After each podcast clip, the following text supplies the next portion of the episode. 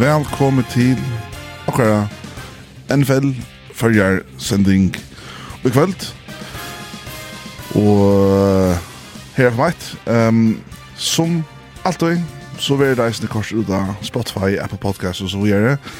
Men sjåan det er bedre vi live i kvöld, vi har nøkker Några vinningar ger vi ut och så vidare som jag ska komma fram till. Och vi kommer ta oss om primär Super Bowl. Vi har mätarskånne, vi tar trivia, vi tar fun facts og anna og så videre. vi vil altså preview av kommende Disney og Disney vi er så hese kappgården Super Bowl i Middle Bengals og Rams. Til det sjående der kommer man sende dere sms'er av 5 5.8.95 95 Jeg har bare med at ni kom inn i oss. SMS av 5.8.95 95 til slås live for meg til kveld til 8. februar klokkan 21. Altså skriv inn i videodakasten om Trudjar Super Bowl-meny fra Pizzeria vi har trunnet syskraner. Stikja, eina subbommeny fra Habs, eina subbommeny fra Geisa, og eina subbommeny fra Lands Krona Sportsbar. Um, om du ikke har noen spurning som så, så kunne du eisen sier kom fra hvordan det blir halda subboll og hver nare, hver sær, eller så er vi innfalt og så er det. Så er det ikke om eisen vi i lodakasten, men Ser det bare ut, at som sender sms innan 595 er vi i slåkassen om å se hessa her uh, med skronnar, Kan man si det, med skronnar. Det er alltid, ja. Som senast, som jeg alltid har sagt, en ombering til Atlet Lorsk live FM etter, det er en som er først ensk sending, her vi kommer å bruke norsk ensk år, så om du uh, ikke finnes det hesten her, så er det nok lett her bare skifta kanal. Vi er i neste tøyman, eller sinde mer kanskje. Og i dag er så atter uh, Axel Berg, ekspersen, som alltid. seinsfjeparen Peder Asbjørn. Og Justin der, Høgne Hansen, som er faktisk en Rams-fjepare. Velkommen til, Høgne. Takk for det. Super, hadde jeg vært godt. Arfa gång så som alltid så har vi en uh, spurning till uh, Justin Jokon. Ehm um, som det har gjort i alla resten som det har haft i resten, ja. Hvordan blir det en A i NFL, og hvordan blir det til at du helter vi en som ser seg bli som Rams? Min A, han blir langt etter 2015, den første tveitsen, ta i TV2 Solo blir jeg vitsa. Det var en akkurat kanonverster, helt som var ta Klaas Elmig og Jimmy, mye kjekk etter han i honom og, og ta og i um, ta i byrja hitja ta, ta var Rams rettelig gauur. Ta var vunnet Super Bowl 95, så kom atter i Super Bowl 2008, og ta lige som vet ta, ta var et, et offensiv som virkelig kom til nekka da, sett nytt med og jag bara bomba i kassar bultar i en sånt och och man fattar ju great greatest show on turf. Ja, yeah, greatest show on turf. Hur man säger jag så de större peppar när hon har en turf show times. Skolt om akkurat så Leo flott är flott ur St. Louis så så är det framväst till som som akkurat som definierar Lee.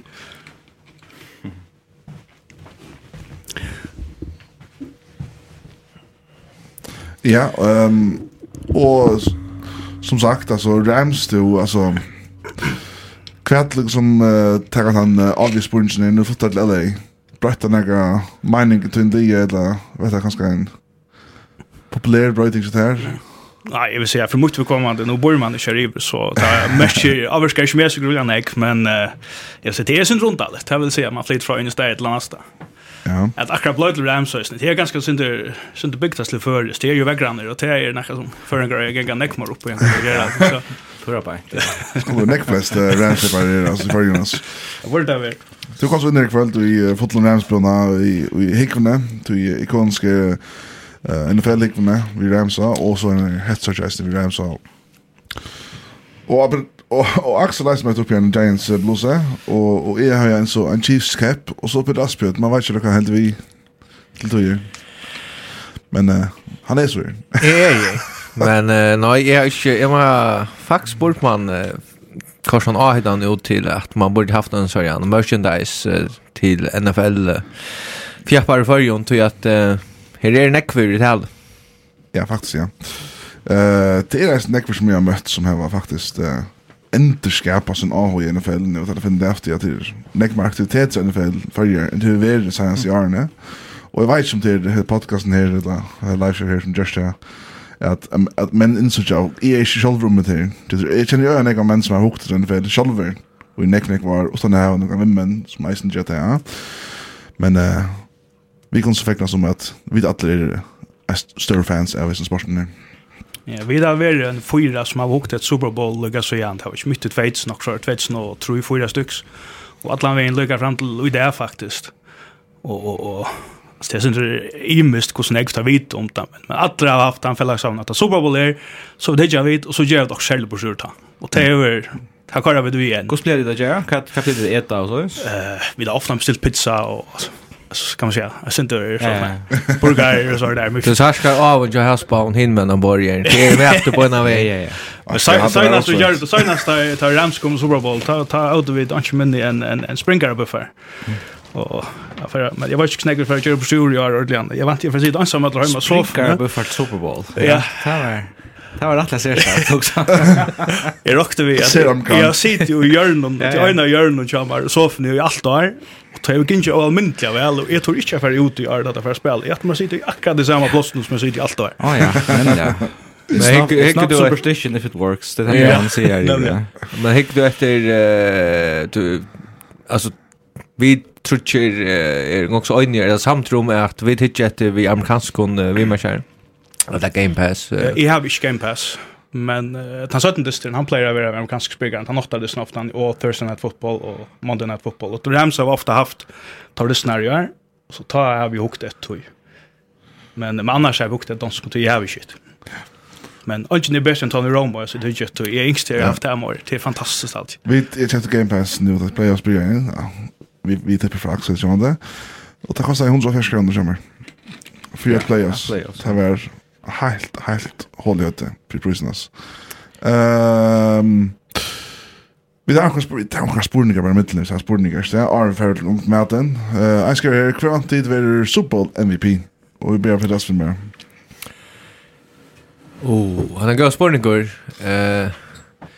Skulle vi spela shot på Rams vinner men uh, Burrow är MVP i alla fall. Det var ju ja, det var nog vinnande ju fan och men ja. Nå ja, det är helt uh, kanske halt ju förra för när. Halt ju förra för när minns mig rätt.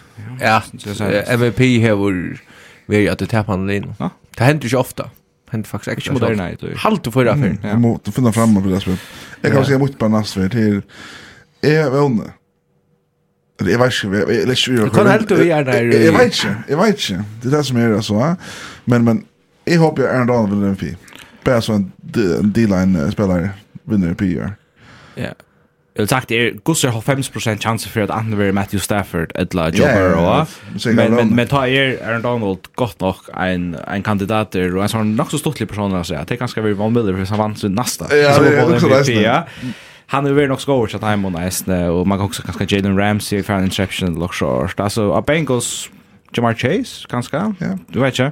Men men att det är nog allra helst Joe Burrow eller ett match Stafford. Ja. If det sitter bara online till Bengals så kommer tossen till rätt och och då så bara en jock mot Jamar Chase för. Ja. Och Cooper Cup är just det stort på Ja. Han han är faktiskt vid att tangera rekorderna för flest receiving yards och i playoffs alltid, eller överhöver alltid. Postseason, ja. ja. Och, och han manglar nu bara Super Bowl, hvis han fär, han manglar snäck, fast han ligger om hundra snitt per dist, och han manglar en, bara en fjärdel trusslokskär. Ja, han manglar tjejer ja. receptions och trusslokskär. Ja, det är också till i mån han är det snäck. Och i Super Bowl, alltså.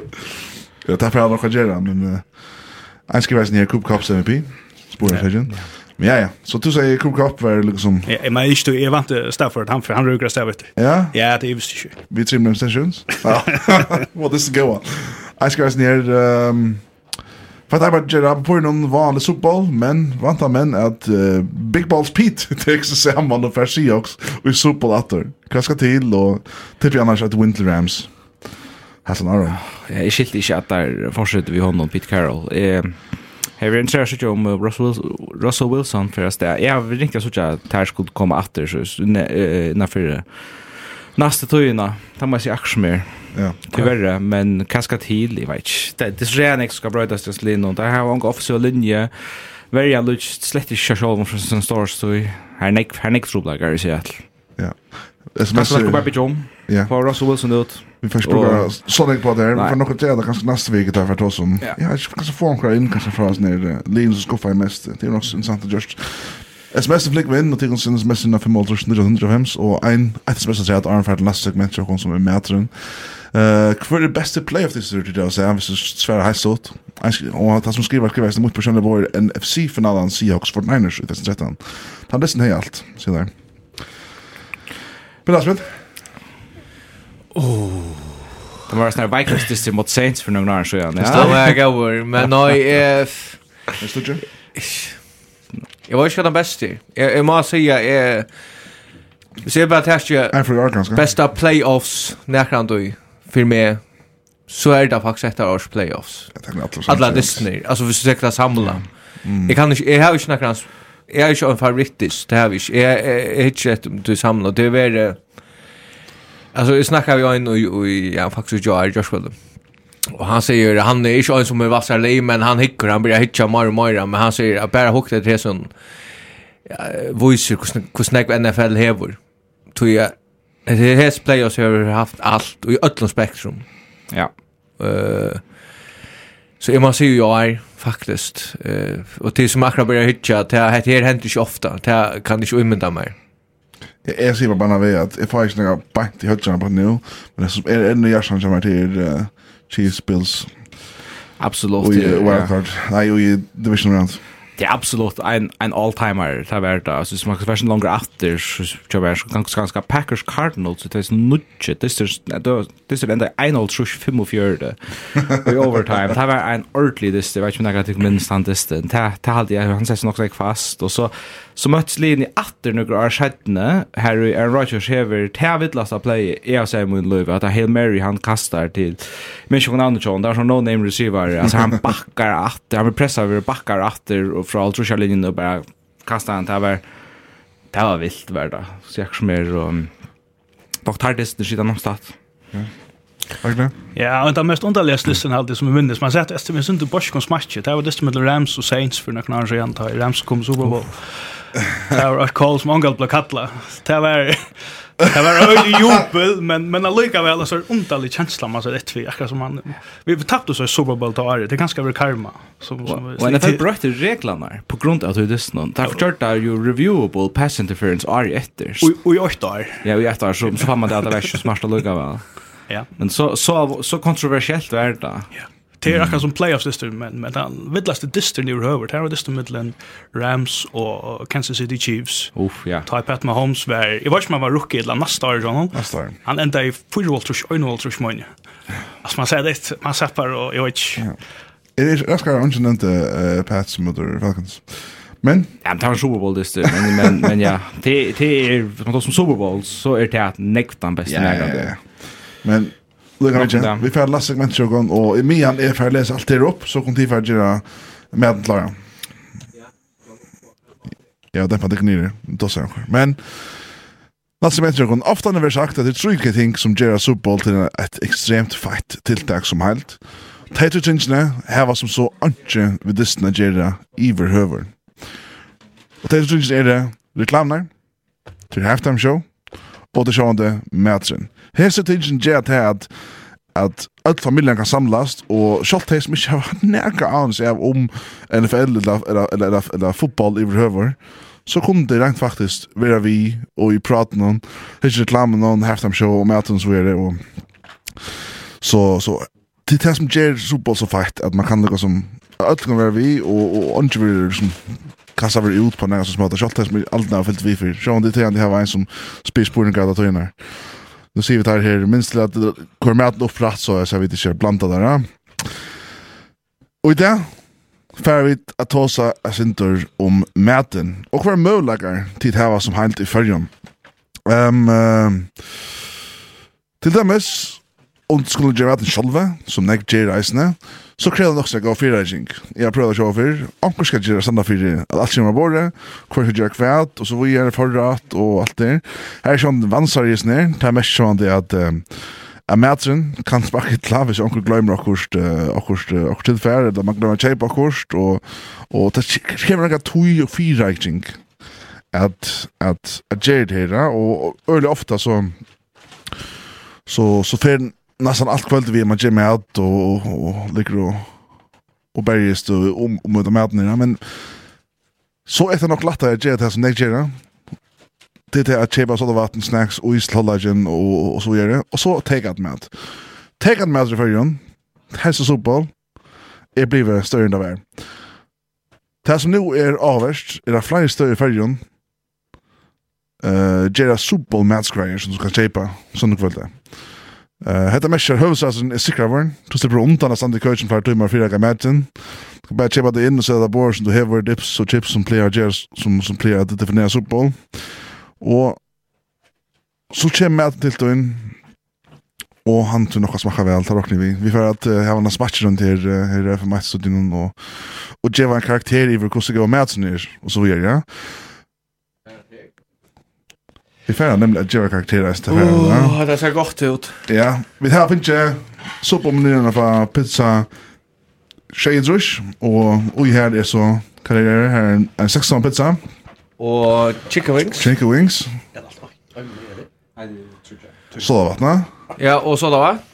Og så er fra Landskrona. Landskrona, ja, og helt luks fisk for TJ til eisne. Ja, det var burgere. Tarburgere. Og, ja, og Chicken wings, vi... Uh, ja, men nu natta här allt. Vi ost ju så då, det ser faktiskt rätt gott ut. Uh, chips och jag håller det här är cheese fingers. Ja, det var jag jag finner fram bara vi. Arden lukar som vi ser att Erik Kvarjon, vi gör det bara som en och en fisk, tackar tjejer svist och så haps och så skrona. Och öll hava kvarsutt och så vidare, ja. Det som vi gör Vi tar med maten i et kvöld. Vi kører mindre til NFL Førjar, de som er i avhøy og ikke hva det etter, så etter NFL Førjar. Vi, kom, vi får jeg komme til å maten etter hesten høyspunkten. Smatchen om. Munnfølelse, jeg vet vel at jeg var løye, men mouthfeel er seriøst innenfor smatching. Jeg håper han kan rette på mer. Hvordan, og tror jeg, hvordan amerikansk, amerikansk menyen er, nu det er soppbål, så det er amerikansk uh, stemninger, fyra mångt 4 millioner for pengene, og fem er utkjent. Som okay. eisen nekka sier.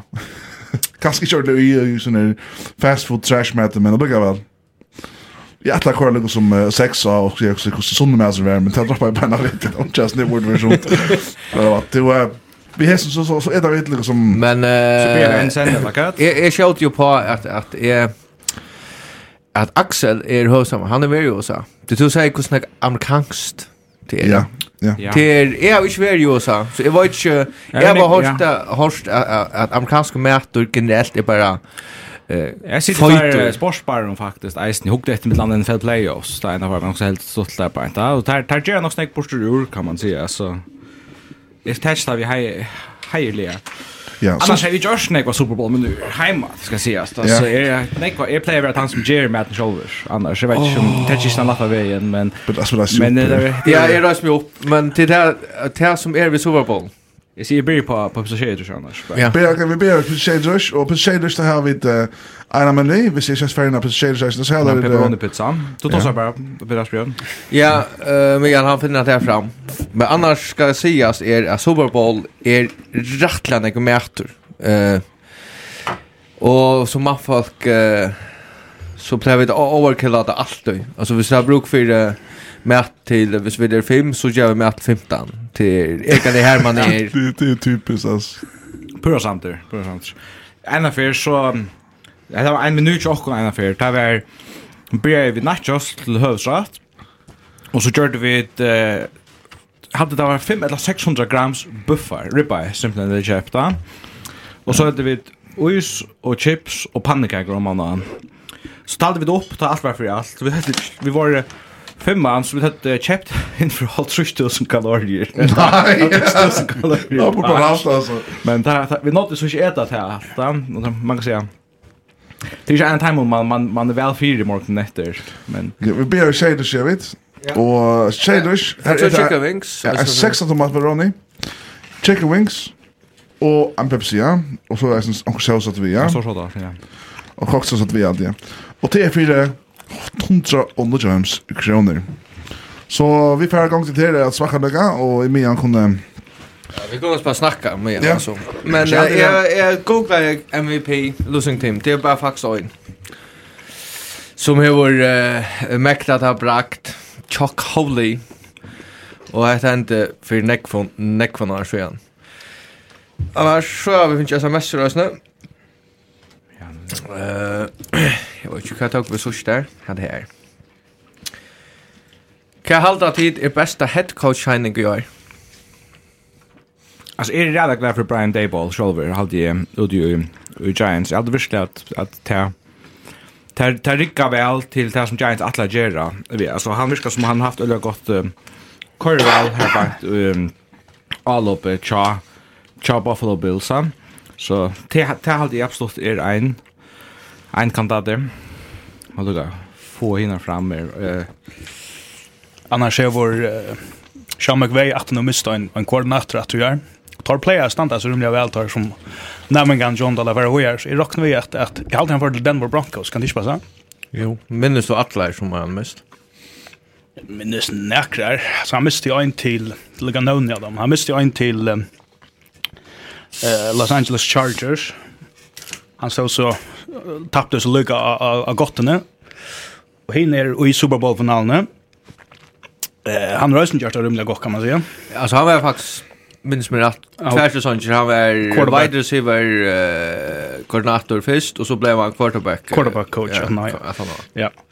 Och en annan är som Matt Floor som är vänjare tja tja Packers Green Bay Packers.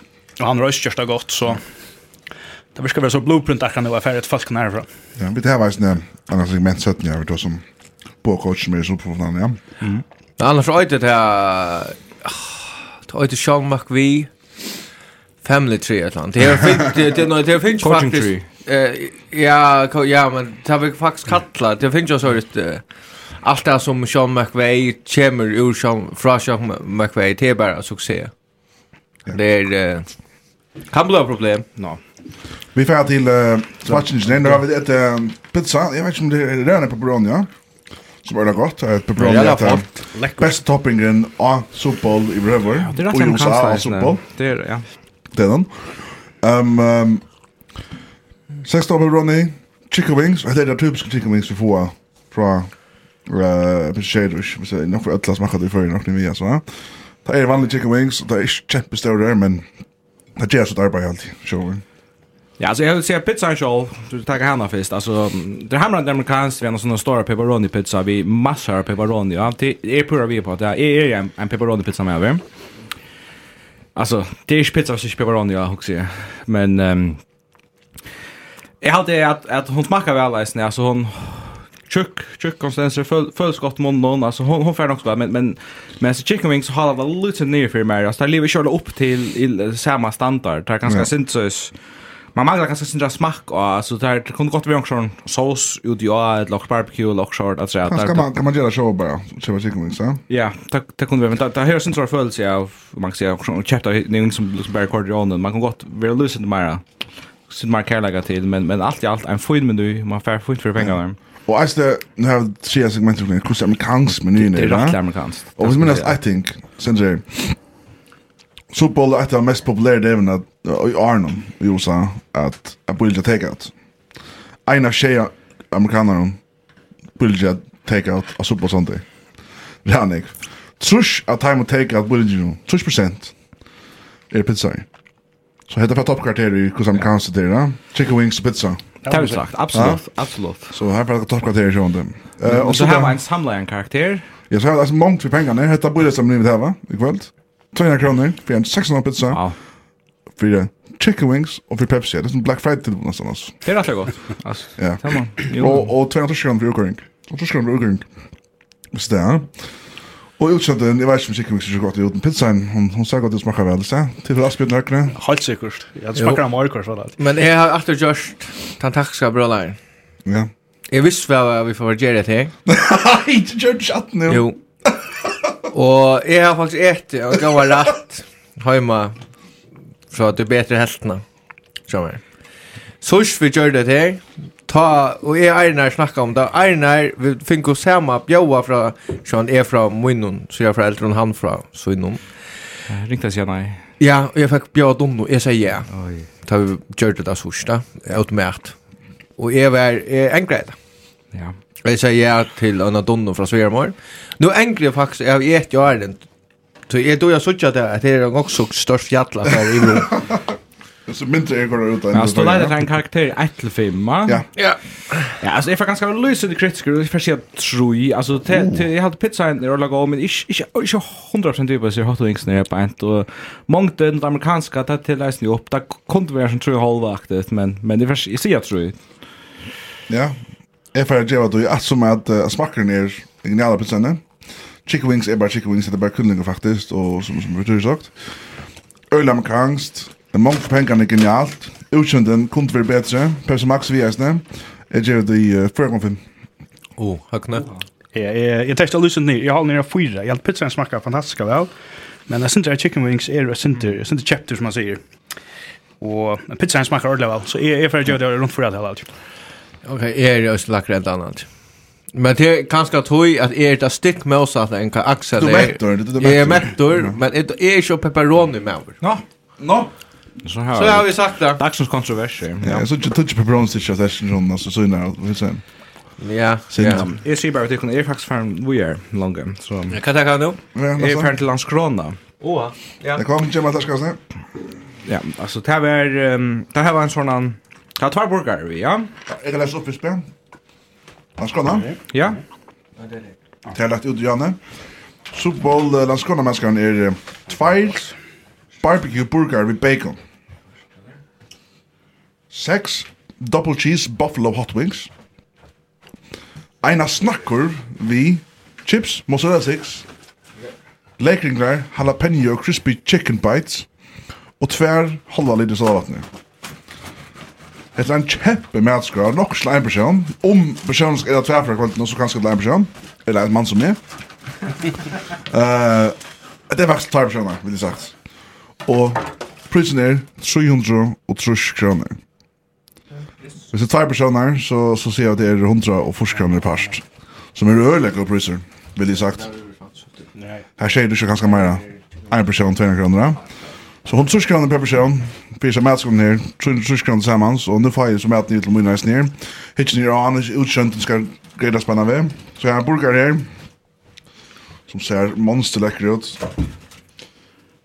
Det är bacon och cheeseburger. Ja, och jag syns det att uh, kocken här i Landskrona, han har just ett arbete. Jag tror chicken wings för Landskrona, inte Ja. Det mest selda hot wings i USA av fotboll är double cheese buffalo hot wings. Och det är akkurat det jag säljer i Sninders. Mm. Her er, her er faktisk, uh, her ser vi nøyene vi øtlån sticks og onion rings og ja, Det har faktisk inte mer än en mån till passagerare tror jag ska lucka vid mig chest. Ja, det kostar nästan 300 000 kronor, alltså dubbelsnick. Ja. Ja. Ja. Tusen. Nå, jag får jag prövar det. Vet du, Og igen det till atleta så kan jeg si også också. Her, og just jøss, jeg nekver... Du kan takka spurningar. Spurningar, altså. Her er faktisk en fin røy. Um, uh, folk vil vinna. Ja, ja, ja, folk vil vinna som vinner her, altså. Ja, ja, ja, har jo akkur her... Jo, altså, jeg synes man skal foreldre som endelig skjer fra... som det på livet og sjøl. Men... Uh, Ein spurning er Aaron Donald for første vinner så bold. Vi sverer på at Johan faktisk. Han kjøtt uh, alltid quarterback som er første vinner. Ja. Og en venn som er ikke ofte til henter. Jeg halte det var Bon Müller senere som vant det. Ja. Og han spiller så eisen av Ramsdine. Martin Smith er eisen til at for tjejer så gjerne. Nei, men ja. Og det er Scholzam. Men nei, han er ikke ferdig til å vinne. Nei, han skal gjøre nok snakk seks og ganske han kan få frampål her. Fyra få MVP her, og han skal fullstendig attirra og laga ikke Bengals apart hvis han skal ha det ordentlig lengst av det her. Men ok. Men ja, ehm... Um, Ramshager Bengals 2 MVP Aaron Donald. Bengals få möjligheterna. Janna men Aaron Donald stripsackar Burrow. Wow. Stafford för pick 6 OBJ över 100 yards och touchdown.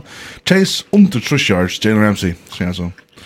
Så vi går att det som han har några prediction session som ja. Och och Ramsey Chase sagt det någon down där för men men men fast vi tar på så spurns ner här Chase Jalen Ramsey. Vi kommer fram till distance ja, nästan men tackla halvt så har vi Jamar Chase bästa rookie Jag har sin nägan du. Han är bäst rock. Han är han för ja. i Elton Jimon kategorin. Och så är man bästa cornerback. Cornerback ja, Jalen Ramsey. Jalen Ramsey. Jag råkade faktiskt inte att vem Jamar Chase som får flest receiving yards. Tja, Ja Bengals. Jag vant jag vara en grönt annan. Ser du Ramsen? Ja. Ja, faktiskt han säger. Och spelar kanske till för Jamar Chase vinner Super Bowl MVP. Og það skal da rett en nekk til. Det Minns Julian Edelman gjør det for noen år siden. Men það tog jeg at Brady har ikke nekk kast kastjars, men han har han är så ren jag själv. Så också antingen är det här att Jamar Chase ska upp alltså 200 yards eller något sånt. Edla är det här Burrow kan ska lukka här omkring interception og Jamar Chase er han som som kører kör det. Skulle det litt att noen där vi har kommet sig med nu då. Ja, ok. Vi skal be helt tru ting av alltså med i landskrona. Ja. Vi tar var Buffalo Hot Wings. Ja. Vi tar var snackorna som finnes legringar, mozzarella sticks, chips, og det er lekker creamy uh, cheese bites, som røy langt gangst så tar burgeren. Hvis vi börjar vi ena stinsen her, jeg tror ting vi skal liksom ta betraktninger her, ja? Vi börjar vi stakkurven her, chipsen og nødlino. Helt, helt fantastiskt. Og jeg er så glad for at, at akkurat där for det faktiskt är man kanske med. Jeg må si at uh, tacka snackorna. Hon är go. Her er bare til det er av onjörings. Vi suggestar självor eh till till det är simpelt då. Alltså det lägger och skor du då så botter botter dig så det. Här är kanske att här som skuffar mest. Alltså det smakar väl men det är kanske det här som är för laxkarterier snackor men snackor men samla er ordla go. Fantastisk. Ja. Ja, alltså snackkurven, hon rullar varierar som säger bein och mozzarella sticks så är det något annat osta tänker jag på ett och krem krem krem chili bites. Ja, det var ordentligt ordentligt gott var det. Ja. Ehm jag var ju akkurat vi på chips när på Chalamon men för ut och och det varierer något läckert liksom att få sin drøsindra aquarium. Er, är vi på det, da må jeg si. Halkan, er det vi... Jeg har snakk kurven, kurvan är nog det bästa aldrig vi, min øyne alltid. Det er det beste. Ja vet la mig. Ja. Man ser alltså, är hot wings är bänt. Är halt hot wings är det där go fantastiskt. Hette hette det. Du då som amerikanskt där, ne? Hette akkurat som man ser där i Buffalo Wild Wings eller något sånt. Alltså mitt ute i Kansas eller vad det är. Alltså hette hette hette amerikanskt som det blev. Tam ta si, alltså deilig sån marinera sås och man har och sånt osta dressinger om man at skjæt til, til perfekt. Og der er stokt i akkurat sånn skola, Hetta hetta har det virkelig funnet der i landskåna hos man Hot Wings. Størst oss for tog. Burgaren, han ger han ger det som han skal. Halt igjen, men, men jeg vil vi på som menyen at det er en, en stormångt, ja, man betaler sin fyra, men du først er sin jævlig enn jeg var med. Så jeg tvær burgare, en snackkorv, en ekka Hot Wings, ja. Så i mångt, alltså, det, man får man fram till för pengarna här, och hon ser bara jävla flott ut. Ja, ehm Jeg vil si at det er sånn, det er sånn, det er Hot Wings er, det er kjent for Hot Wings er nere. Eneste for en gjeld man fer lakres Hot Wings er nere, man fer, man fer Korean style barbecue er nere, man fer cheesy Hot Wings, øren egg Hot Wings man fer nere. Next lø er sånn, så vil jeg akkurat så god til faktisk da. Men her Hot Wings er nere, så sier jeg meg det. Ja, jag vet jag vet om det är fler mest då och samma för in och så vill du bara sån 20 listan, 20 listan. Akkurat vad det var. Ja, jag saknar det förr ju och är är regler för att här blir på det sen. Men han skrona. Är är halt faktiskt är hotla Java dem. mon. Jag simpelt för för hot wings så för alla variabilitet nu snä. Jag smäcker en femma att ställa där. Där får där får toppkaraktär framme. Där får där. Det kostar inte mer nästan. Och lika Java den. Ja ja. Ja. Du pengar mest det ser Jackson. Det nick matter. Det är många många för mig. Man kan gott vara två mot Island såna som du säger. Ja. Men jag jag kan vara mer diplomatisk och man ska alltid köra det om för att det ska lucka väl och lyssna på bättre går. Så jag säger 4,8 5. Ja, 4,85. Och jag måste säga chicken wings nu träschat här av voljo. Och det här är en buffer som är eller kött. Ja. Ja, ja, ja. Helt sikkert. Jag det det ser det var bättre än det som helt var Johan och tagga och fyra så att man har gått på 4,5. Jag var skärd inte på allt. Jag ger väl Landskrona 5 till bara tror jag at jeg dish med det her nere og största om soft til till som stannar för Landskrona nere i Eisen och til at till gjør Det är dyrare. Men Super så är man då till man sparar till alla år. Men annars uh, snackar Landskrona att jag var skärmar så vad så att jag måste det? Jag var dish. Eh tumschat utan bara nu men hon är gång till för den där omkring. Men det kommer kanskje ut hvis det kommer Det problem. Annars det er så mycket av er i Landskrona til till en fin uh, sportsbar. Det er kanskje det en sportsbar det här. Man helt att vi faktiskt hade paid promotion i där, men det er det vi får tjäna kron, vi får gå av korsera alltså. Nu tar så bara för att fria vilja så det är sagt ju att lyckorna så det är inte. Paid sponsor så ja ja. Hundra Vi klarar med maten. Men så får vi till Tansia och till er haps och haps.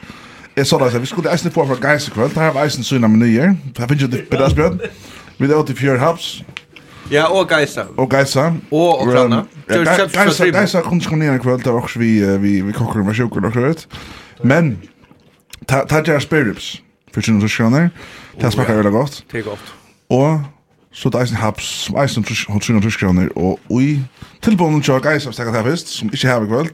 Her er spare ribs, coleslaw, bag eple og soda vatten. Det er vel amerikansk eisen coleslaw. Man säger ja.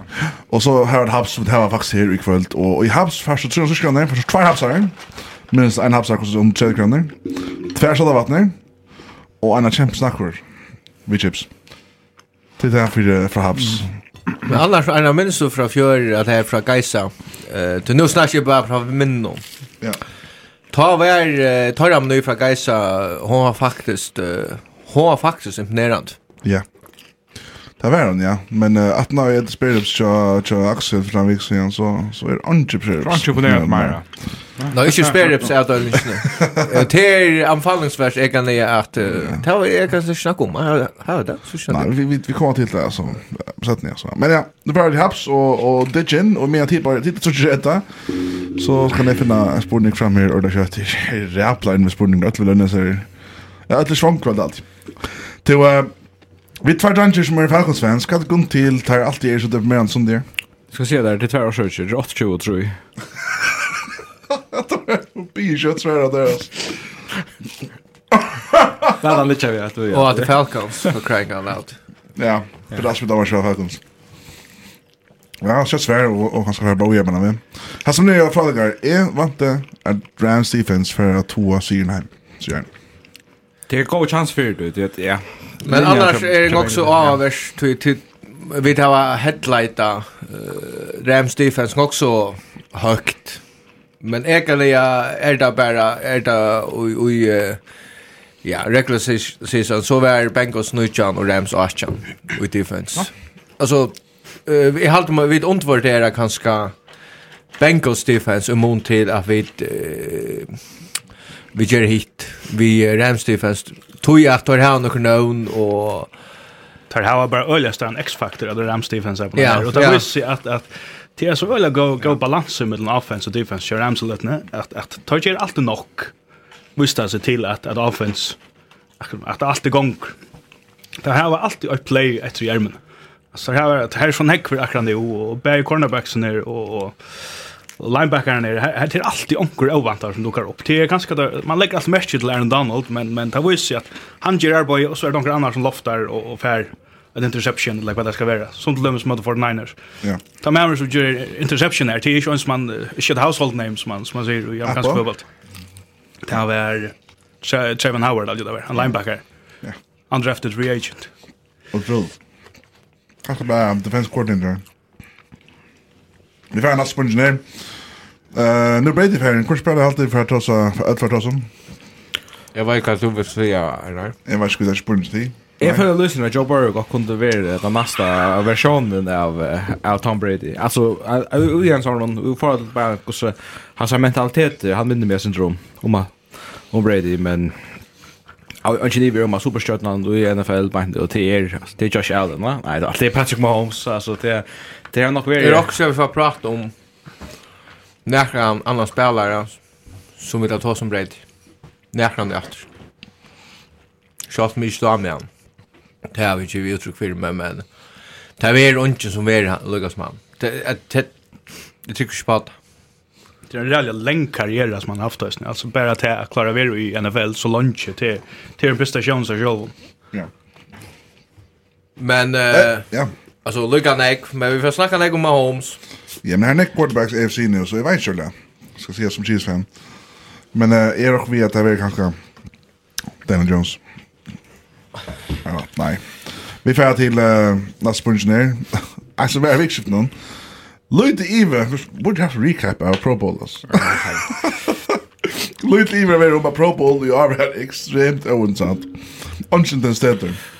Høyde der lukket som two-hand rule.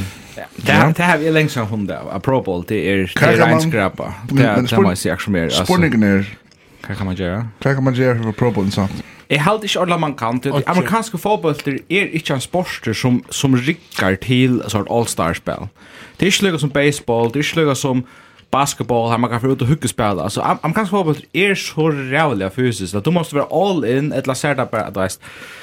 Og då är det regler för att inte tackla quarterback. Ja, du kan splitsa og du veist, sån her tinga. Ja og jeg jag hade ikke at man skal gjøre som alternativ man, du då sånn som ikke er amerikansk fotboll till det så allt kastar. Det har jag näkt och alltså det som heter Pro Bowl veckan, några som i tar sig super bara så bara French veckan. Eh tar jag näkt och i Pro Bowl veckan vi spölon och vi ett möbel. Så det skills challenge. Ja, skills challenge och så där. Alltså det här som är något så stort till hitcha det. Men Pro Bowl shot är bara jag vet inte Shout out David jag pontar någon. Pro bowl pontar någon. Jag shout på det. Pontar är ena för. Ja. Men inte ju där, jag ser bara ska ont vara, jag ska för för gackna den. Men så det där catches som Trayvon Dix gjorde i i skills challenge, alltså det var helt vilt var det. Det var ju inte, det var mycket där. Gjør det bästa catchet, mest kreativa. va? Sen så har det liksom dunk up i NBA, alltså det var rättliga fight. Det var nyttigt att göra allt det. Vet för själva för. Men nej. Men att man kan skaka. Svär på spåren ner, man kan inte köra pro pro bowl mer av på näkra smarta. Ja det. Så här har vi ett dicke nu i det hapsaren här till haps som hej som fiskar under två hapsar tar så att den sackor. Ehm Så det är halt att hot wings det är bara samma som shader, ja. Ja. Nok så nekva, så tar tar kan man säga hålla sig ner men men burgaren är er, uh, solider. Absolut och jag vill säga att faktiskt ja. vet bättre än burgaren där tror Ja, challenge krona, ich finde gar, men men man tek som samla en mätkurv. Det er ikke så redan jeg usnakkurvene, det er ser cheese bites er nok, nok skåer, men hot wings, ah, ikke, chips nu gå, er sagt 4,5, altså at lite vet 18,4, uh, 18,4 för landskrona, tyvärr. men Men eh men rättliga gott. Alltså va. Ja, okej. Ha? Ja, amerikanskt och så vidare. Det det är rättliga amerikanskt. vill säga vi har en sån här snackkorv och och burgare nere så hårt. Det är det. Mångt det slugar nästa nästa va. Nej, följs det slugan nästa. Nej. Nej, så det här är lika också som har nere för mig, men det är alltid alltså burgaren är ordentligt god, det är snus man. Ja, så burkar är han... Ja, han bättre. Men samla så halvla skron hever lusen mun. Ja, men hva er karakteren ja. til Habs spyrer vi dem? Ok, han kommer her 4,6 Oj, så ser jag mätte med. Ja. men Jag ser ju för dem. Jag hade ätit dem näkna bättre burgare. Nej, som burgare var ju hin och så heter det ju Loke. Ja, sex då. Ja. Det är det väl. Men men eh mångten den är snär är det inte minne. Jag alltid är för nere fyra snäs för. Ja. Jag säger 4,5. Okay. Och jag ser för det. Fast ja, men vi kunde rolla se att att allt är gott. Kan säga. Men så helt till ganska en liten meny, ganska inte några mat och pizza som är den mest sälta take-out i USA. Och man köper boll så tjejer två där. Och hvis vi vill ha mer liksom action i så så färs så till dagprisen 300 kronor och 300 kronor. Här Hapsolans krona har visst. Ehm um, jag har några fakta från Mätnon. Kom visst du. Ja. Det är störtlas fakta i i världen. Football Sunday är den näst största food holiday i USA. Och här är en ekver. Här är en som är framför det. Vi har det här. Jag har jag dokument jag där men. Thanksgiving Thanksgiving it looks right. Thanksgiving ja ja ja. Så det. Ehm som sagt så 20% takeouts pizza. Den näst mest bøylagda, det er så chicken wings, sjående. Og amerikanske, amerikanere er da 1,25 milliarder høstnare ranger. What? Bøyga, bøyga, bøyga, kan si det, 1,25. Ja, det sier, her er, her er 100 millioner hitcher, cirka. Ja. Kan så slik, så er vi oppe i, uh, man kan si, tutsi wings per hitchera. Ja. Yeah. Det är som till man det är målt. Det är inte ordentligt. Det är Super Bowl målt, men det är som det är en goer förrätt, ja. Alltså det är målt. Det är i mig. Det är 12 och en halv hot wings per hitcher. Och så den next mission det hot wings som är det nog inte springer jag men också annat alltså det det är nej. Hälften av amerikanerna som äter chicken wings. Dama att dippa vansnar i ranch dressing. Og i dag sikker ranch dressing finnes vi en måltid i rann, bant der. Og det er ikke større vi, jeg finnes dressing av vi alle måltiden her, det finnes coffee sauce og alt annet, ne? Det er kvitt her alltid ranch dressing, så, så til og fra landskrona, så. Men det er fra, fra Hapsar, så, så det er ganske godt. Um, uh, så er det sånn, um, dippable snacks, alt kjeva chips og dip, altså bon, Doritos og alt det der, men veggies er det, ta mest populære dippo-snack. Grømmet. Bujosa. Att det är vårt begrepp veggies. Ja. Det är ju också amerikaner att ta oss frityrstöjtja mars. Du köpte det att du frityrstöjtja mars. Brussels sprouts, eh, ja. sjukkvaller och grönkvaller och sådär. Men veggies, okej. Okay. Säg det, veggies är det sånt där. Uh, Weekenden av Superbowl er dans nasteste grilling week of the year. 18-4, 4th of July. I februar. Hva sies Om Omlai 14 milliarder burgare vera grillaier og servera et eller annet i USA. Hva sier du? 14 milliarder. Ta svär att det är fem burgare per i USA och ta chicken wings. Ja, det är helt galet alltså. Uh, jag er fullständigt håll i høttet her, alltså och Men, uh, det var här her reisende. Omlai uh, 1,5 miljoner amerikaner är sjukjer. Det är super. Ja, okay, men det er nek som tås om at det skal være en national holiday. Men, med food poison det sitter och starba i sånt där det var bara skola på nu i Cincinnati jag faktiskt inte rymma det ja ja fun fact Ja, jag hade sett det om maten och så gör det. Så, så mäter och fotboll. Några män skulle tävla samman. I en fall gick när köpte en av sin mynning in här. Och så istället för att göra en läckade dessert, och så fokuserar mer på det. Som de så kommer att köpa det. så Jag det en apple pie till Eller så vi gjorde... Ja, vad ska jag vad säga? Eller så vi det sista veckan, vi det? Kan du veta?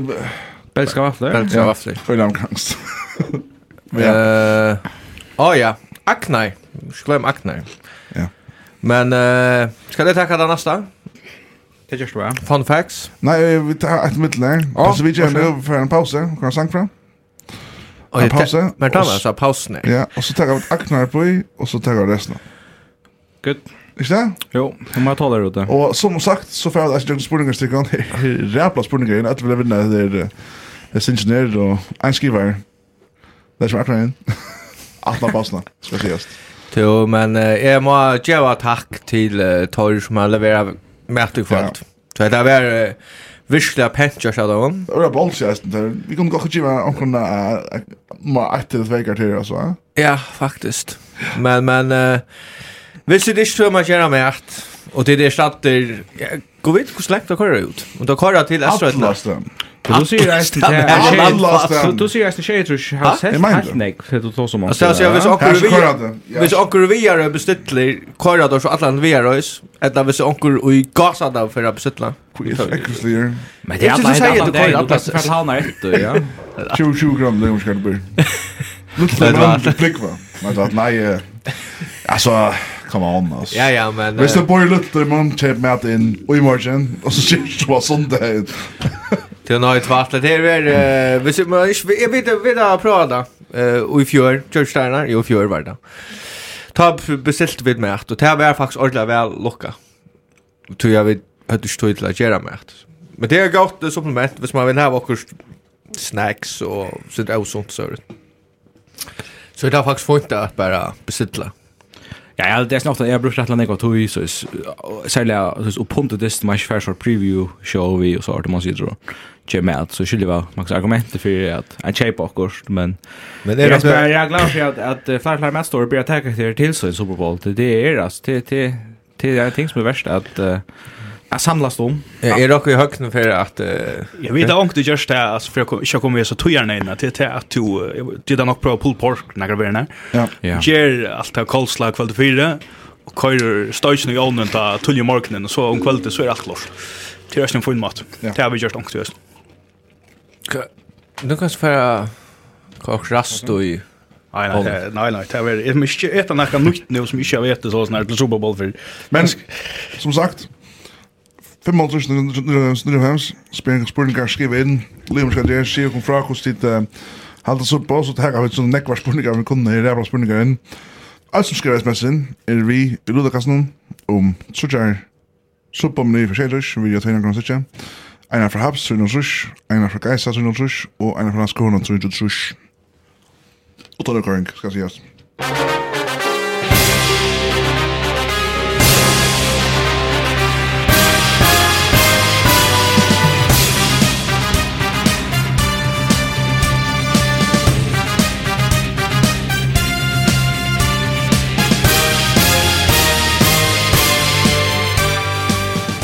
Vel, velkommen atter. Vi sitter her fyra vel, setter og metter menn her i studion nere at man etter.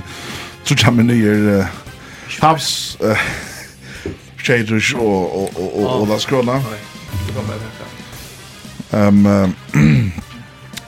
det som nästa jag segment jag kommer till faktiskt en, en suppel trivia och jag ätla sida så att det är in i spurningen här så djeva vi lukka 5 sekunder luft Tycker han upp som tyder det. Han tar första gången då han får lås där.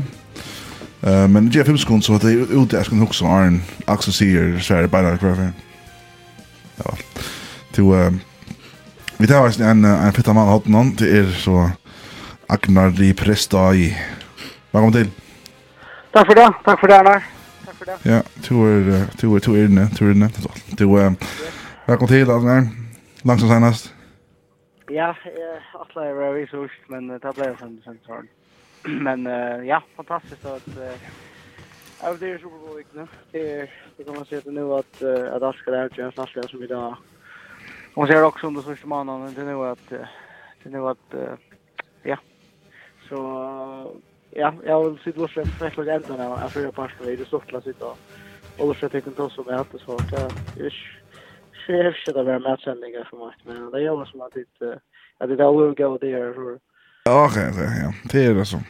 Smakar väl ska säga så. Det blir så sundan nu, du kommer komma. Det var alltid... Vi får...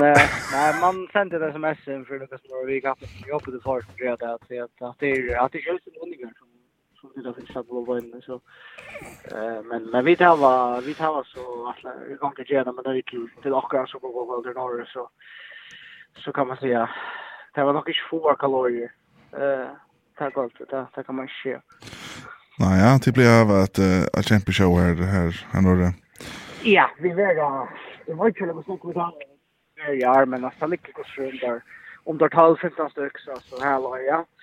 Och det är det är näkra där som tre hitcha kostar så också kanske kanske ni kommer vi så det är ordentligt så det kan man säga det där ja det handlar bara om om om om om idrott. Det är inte alla som är så intresserade av det som det är vi tar va för för att vi tar quiz vi tar dash vi tar målet och och ich muss gå med så. Ja, det är fantastiskt alltså.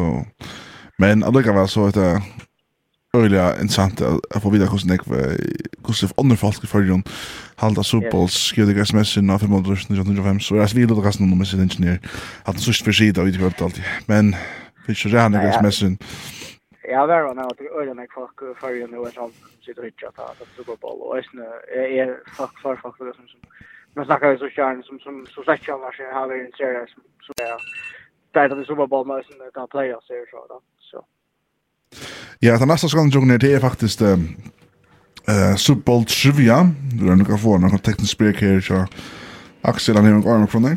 Men eh jag kom så spela spurning och och så räknar vi att uh, till svär andra ting och svärar som som runt Vi låt han 8-4 studio i snitt att Arna Svära och i sin hötte och en nära tickom svärar och jag alltid vet att det här spurningarna här. Alltså, ja, så vi ber første till til kvar spelare har spalt de flest Super Bowls. Tom Brady. Alltså, akkurat sagt att jag skulle börja att hinna forskning skulle huxa det ute, alltså, men... Ja, fuck, jag är ute också. Okej, jag helt mig till studion. Ordentligt, ta med dig! Ja. Men det är sådana rätt. Men det var lätt spurning i kvällt allt. Eller näst spurning, tre spurning i natt allt. En sån spurning där. Kväll i har vi spalt fyra Super Bowls, men omgående haft en eneste føring. Så når jeg vet, så kan du prøve. Jeg har vært på. Ja? Altså, jeg er skått Minnesota Vikings. Minnesota Vikings, sier Aknar, og det er pura rett, eisne. Alt sin først, av på, vi får dem. Ja, det er akkurat noe livet bra. Att det är jag vill förra så på Barcelona men Buffalo Hay och Kalashli och så här det på något ut det där hade det har det minst. Ja, men ja. Namnet är Stepnon som vinner livet här den här fotbollen att kunna att ja, vita ett Ja. glas. Vince Lombardi Trophy uppkallat efter första vinnaren som vann Super Bowl med Packers, Super Bowl 1 och 2. Ja. Och springa så kan leva för Super Bowl Packers. Tack för det. Hur spelar jag vunnit Super Bowl MVP akkurat så för. Det bara en. Mot på vill det vara, så släpper jag svära. Ja. Joe Montana. Det är rätt. Ja. Ja. Alt rett er akkurat. Expression. Super er til sporting eventet i heimnum, som er nast mest hitja etter første år. Hva er sporting vers event hitja flest etter første år? Som avgjør Champions League-finalene. Det er akkurat det det er i Champions League-finalene. Fødbolter, Axel, det er ikke det jo, ja? Så, jeg sinter. Nei, det var alt. Hva fyrir dere betaler vi MVP er Superbowl første år for Vespo Sår for det fyrtøk. Men det kan jeg svare det. Ikke en bil framme i Aksla? Nei. Ja, det er ikke. Nei, så skal jeg vinne det. Det blir jeg i nødvendig siden. Besta PR-stand til nærkant. Tar du MVP? Kan jeg si det hver for? Ja, nämligen Disneyland, Dis Disney World. We go to this world. Ja, Orlando. Disney, ja. Jimmy en fer og betalade dem nog pengar. Det är som parata, la parade utanför Disney World ofta när han har Ja. Nej, alltså för alltså Disney World allt är tänt för hem alltså och då får pengar för det. Så Disney är huvudsponsor till MVP kvarstår. Eh, uh, Kvedli var det första att vinna Super Bowl fem färger. Ah, Steelers. så. Ah, Pedras Pedras Green Bay. Nei. Niners. 49ers. 49ers. Ah. Ja. Agnar, Agnar. Ja, at så vinner da i 4-5-3 for alltid. Jeg synes ikke for oss. Jeg hadde vunnet 4 for kursen. Ja.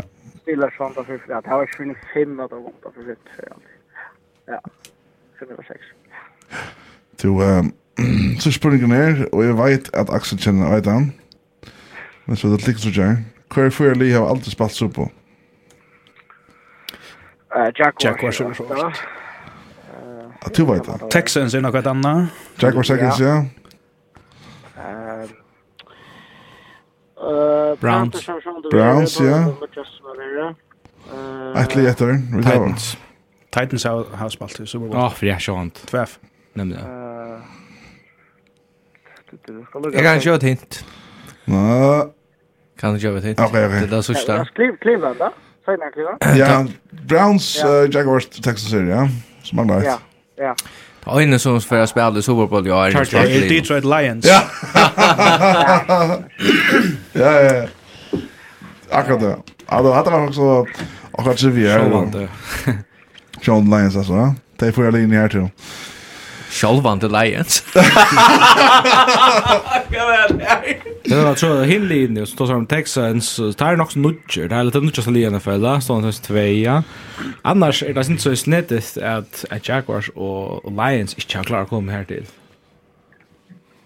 Men är Jaguars lige rymda nytt ösn eller är det här vad tar några söv och så att man det? Jaguars är från 5, så tar Panthers kom in samtidigt men uh, Jaguars var öra att jag kom Super Bowl i i 2016 var stark så att jag Jo, det var ju i championship game. Det var åtta i championship this nu, alltså i New England just men så. Eh, det var faktiskt väl lämna från ett så ränner och Marian i go, men men tar snabbt det långt ja. Det är Blake Bortles som quarterback då, eh? Yes, ja. Det var framme för vi en touchdown och i fjärde kvarter ute det snå, va? Har halva Steelers själv i division round this contract så vi några patcher att ha med Petrus. Att lägga lägga sig sjön och lägga sig. Ja, det så jag missar faktiskt några för allt. Ja, jag vet att det är Barry Sanders stöjne där då som DJ Lions vann då. Ja, ja. Ja, det är det. Stafford var bra för playoffs, va? Ja, han som inte vunnit där kan det där. Nej, nej. Ja, och så halt inte att han vunnit playoffs det han Barry Sanders spalt. Nog väl i 55 eller. Ja, det är sjukt. Men som tänker sig andra playoffs så nu i ja, säg ett inte det är nu så nu är det Super Bowl. Det kan vara nästa i det här till mig.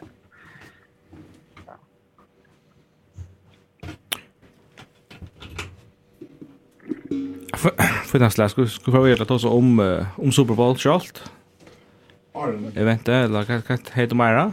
Arne har några fun facts från Petersburg. Bra spøtten, Joshua. Ja, vi sitter strøs vi headsetten der bare. Ja, nu er alt, nu er alt ordentlig her. Nu har jeg Akmar Eisen i atter. Yes. Så, Bra spøtten. Ja, fun facts. Kjært er Super Bowl. Eh, Super Bowl er den årlige finalen og i midtelen NFL, uh, fire NFL. Til enden av kappingsne og låtakerne er å vinnaren av, av American Football League, AFL, og National Football League, NFL. Og det er nå først lengt etter tøyen, ja. og det har en sammenhenning ta i uh, Hofjers. Så er det at han har Hofjers og det NFC og AFC, ja. Og det er døyltene Amerika og 1950. Det er å si at det er Super Bowl nummer 6 trus, og det er Raumaratol, det er nekka vi. Ja, det var ju någon söv att han fick det. Det tror jag det tror jag att Arne Ganga i 2 år tar sig. Jag har det 20 och 21. Att 21 22. Så kvar var de vart helt. Var så på så vis. Og det er bare ena för att ikke har brukt vara till. Det är så boll halt rush. Hon är bara så boll halt rush. Og det är bara spalt faktisk fyra Super Bowl från 6 rush till og Arne där mer Eh Og så er, uh, vi da skriver nok fun facts her, at det er, uh, og tålene blir jo øyelig, uh, det blir øyelig svagt. Uh, uh, Bøylias billettene koster i løtene 39 000. Det er fullkomlig vanvitt. Luksa, jeg var, at det er svarsmarsene er noen, ja. Va? Jeg var til EM-final i sommer, og hva billetter for for ta. Ta for der for, og det var England, altså, og EM-finale, og It's Coming Home, av Wembley. Och därför vi helt när vi har snär. Det är pura alltså pura pura pura örst. Eh så reklamer det är det största ting och så. Eh NBC som hävdar nu tar skiftas om annars eh, det stora nätverken i i USA att sända från Super Bowl men och i är NBC Och en 30 sekunds reklama för för gåar att det till på 20 miljoner dollar cirka 46 miljoner kroner. Det er 30 sekunder. Ja, og samla reklama i fjør var 400,6 miljoner dollar, etla områkna til dagsens kurs var 2,6 miljarder. Det var fjør, det var vanta at det er større i år. Alltså 2,6 miljarder. Just för alltid. Får jag lov att jag när vet ni. Ja. Vi reklamepengar till en av kanal i USA. Og så er det at halftime show, til er... Uh, til vi nekva minnelige løter, hvor kanskje minnes Justin Timberlake og, og en viss dama som uh, gjør det også Ja, det vil jag? Ja, og Michael Jackson har jo et, uh, som er også eppis, til som Michael Jackson, Jackson gjør det ta. Og i år vil det ta samla til Dr. Dre, NMM, Snoop Dogg, Mary J. Blige og Kendrick Lamar. Og som oftast hava det ofta och surprise. Det där är självt att inte hava ett ett ett annat surprise mm. ångstes. Det är ju jävla spänt på annars. Är Orla vi på en rapkat Korean och där bara har smäcken. Det är dish klassiskt shall I. Det var så på. Är så är så också så där så där fyra det aktigt några animation think of Notorious B.I.G. och, och Tupac. Oh. En tjus kom till... Jag tror jag har haft en sån preview, eller så tra preview, en trailer till ett här halftime show. Och halftime show och det som en också speciellt vi halftime show i Super Bowl till en halvan timme. Annars är pauserna i så länge i mitten. Särskilt när det är en minuter. Ja, och så skulle det här vara halvleken i 13 minuter kyrka. Ja, vi tar skott fyra och så är alltid så imponerande att knappt ständ på en stor paddel på knappt mitt. Jag lukar för att se att det är alltså det är faktiskt inte lika att vi är ute så långt Eh, uh, Luka, ta Wilson var sin första Super Bowl. Ta, jag vet inte om jag gjort det här för men ta för simpelthen han fyra gas som mot att vara dyster. Så att han dyster så får han i hållet nu får han i brus simpelthen och då är stört let's your clown on för oj åter liksom då ska han spela den spännande chantist. Första Super Bowl Tom Brady spelade ju. Han såna i hållet nu. Vet du det någon? Grått seriöst. Wow. Så rolig ju som med han bara ja. Första Super Bowl. Och då var han ja, Rook, ja, Rocky och det finns så den sista veckan. Ja. Men annars är Los Angeles var eh väster sex ferier och är ett känt ferier. Eh men först för hon är av SoFi stadion där kommer ju så till. Annars var första Super Bowl 8 mellan Green Bay och Kansas Chiefs var i Los Angeles. Här eh, Green Bay ja, ja, vann 35 touch. Ta faktiskt mora och kanske chef sånt men eh, ja ja ja ja. ta det snau share hans lektion, ja. Ja. Eh SoFi hade stadion är är bara att här sjukas av stadion som är ulötna. Till eh, Platic brukar 2020 skulle kosta bäst 2,6 eh miljarder dollar men kommer att kosta omlag 5 miljarder dollar eller det här så 32,5 miljarder kronor dyrast av stadion näkrande byggt i världen Eh till tycker som där man var fotboll så kostar Wembley 1,9 miljarder dollar och är bäst alltså fem dyra så stadion av listan. Hinu fyra är det all NFL stadion. Alltså så 32,5 miljoner för stadion till finnas. Så fai, hvis alle er VM og i 2026, så kan det være at han får byta et øyde Rose Bowl til en rettelig kjent stadion. Men tar snakk om affæra at uh, att att uh, byta det om vi SoFi och så kanske blir bli här eh vart här stadion som de förbrukar till uh, fotboll så det är också avvärst.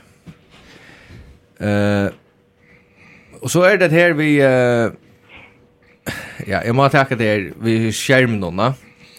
Är det en skärmor inne i SoFi och han är rättliga rattliga ekvisligur uh, för sig akkurat som det är. Han har en skärm, han är uh, det är en dubbel skärmor. Det har 4K HDR skärmor så vi är 2,2 miljoner pund eller cirka 1000 tons. Han har gruppen. Han är 4 miljoner pixel. Han har 4000 square foot, alltså omlöst 6500 kvadratmeter stor. Han är 120 yard, alltså 120 meter långt där. det är så amerikanskt som det kan bli med. Det är så... Googla det, det svimmar oss. Ja, simple. Man googlar det och man svimmar, man hickar det sånt. Han är 4K. Att det är bättre än Kjellmarsp som jag har i stående. Ja, jag vet ju, Cowboy Stadium, till att det är kämpe skärmen upp. Och han är vittler. Det här är, det här är flyer för där vittlar inte. Ja. Han är så sån här oval och snäll emot till han som är check Cowboys. Han är bara som en kastsel och så. Ja. Ja. Jo. Och tar visat att det samma som de visar framför som attanför. Ja han vigar, han vigar tusen tons. Han har honker uppe. alltså han är bara så jävla en klote. Tager, eh och stadion tar kraft Jesus folk, men uh, tar just as hållas uh, till att det kommer vikas ut till 100 000 folk till Super Bowl eventer. Ja. Och så får vi till några fun facts om det att det är vi där snackar om det att det var cirka 5500 miljoner hitchade Super Bowl. 13,7 amerikaner. Amerikaner. Ja. 13,7 miljoner Atlas atlasar bar. Og hinner så 50 millioner atlas har varsla til havana Super Bowl capping. Og så er det det. Eh, vi snakka om då en nära sändig betting ibn lowlit. Eh, lowly just och eh och tar vant att det var cirka betta för 1 miljard dollar. Det så 6 och en halv miljard kronor bara till att här vänta Barry Vi møter 500 millioner i 2021. Og folk betta fyrsta sang, og betta Quintas. Hvordan nek sekund uh, hon sjål sin Ja. yeah. uh, yeah. uh, Amazing Grace og... Ja, hvordan lønner hun klarer halda tøvna. Even under en sekund. Ja, och och hur hon kicksar och alltså tog oss back. Kaffe farve Gatorade er som där kör av der kår Att det inte kan nästan bättre på alt. Latlet, ass. Eh, du alltså det det är det är stort över svärt av betting kan man så ju som här vi amerikanska fotboll det göra. Tror att är väl passande att du inte kan finna ting du inte kan spetta. Alltså det här är ja.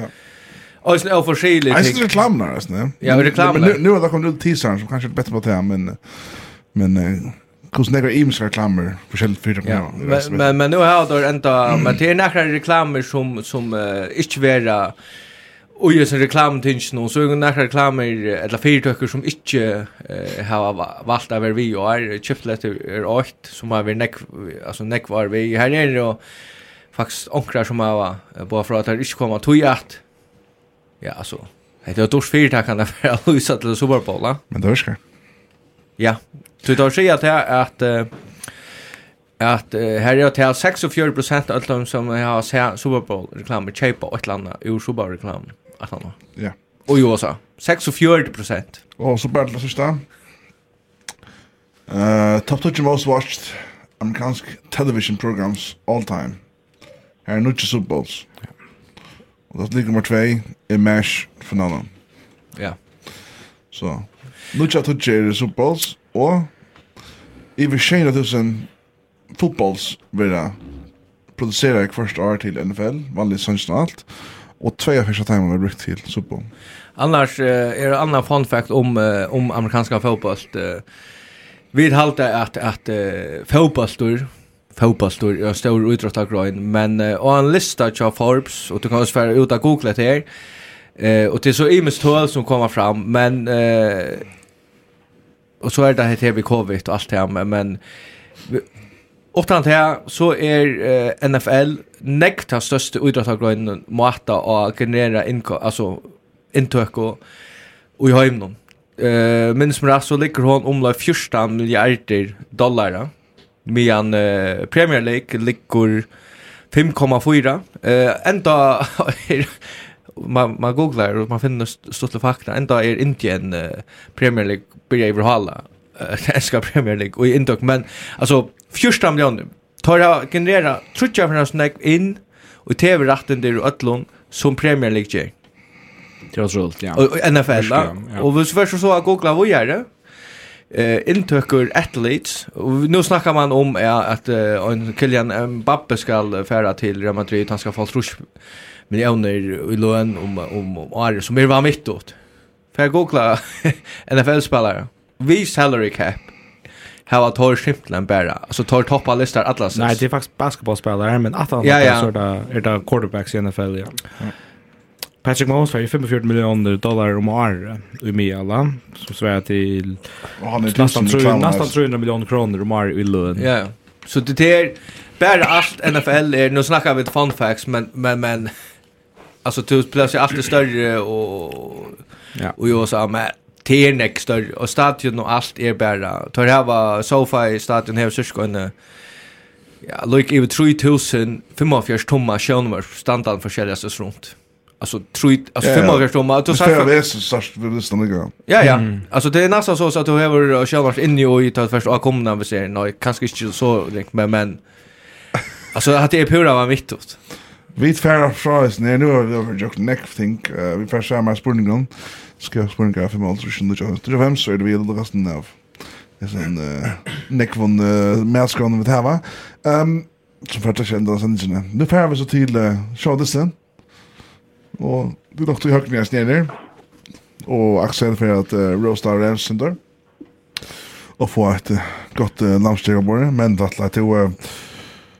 Jeg spiller litt jobbrott, som er sånn pump-up uh, jobbrott, og så så kom det til... Uh, quarterbacks preview.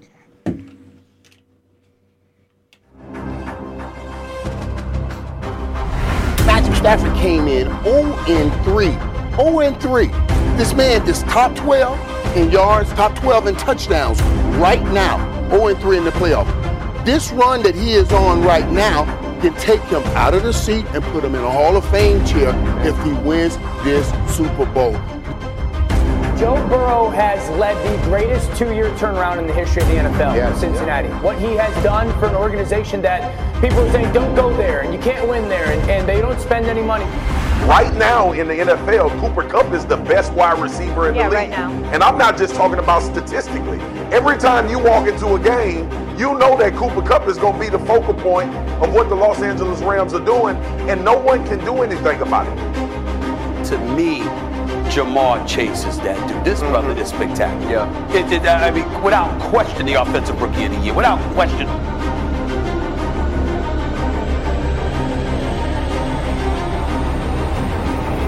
We are not done. This is not the standard. The standard is a Bowl. How bad y'all want this? How bad y'all want it? It's all lined up for it. Be relentless. Be relentless. Be relentless. You gotta want this. Got a warning. Let's go. Dominate. Who that? Who that say gonna beat the Bengals? Who that? Who that?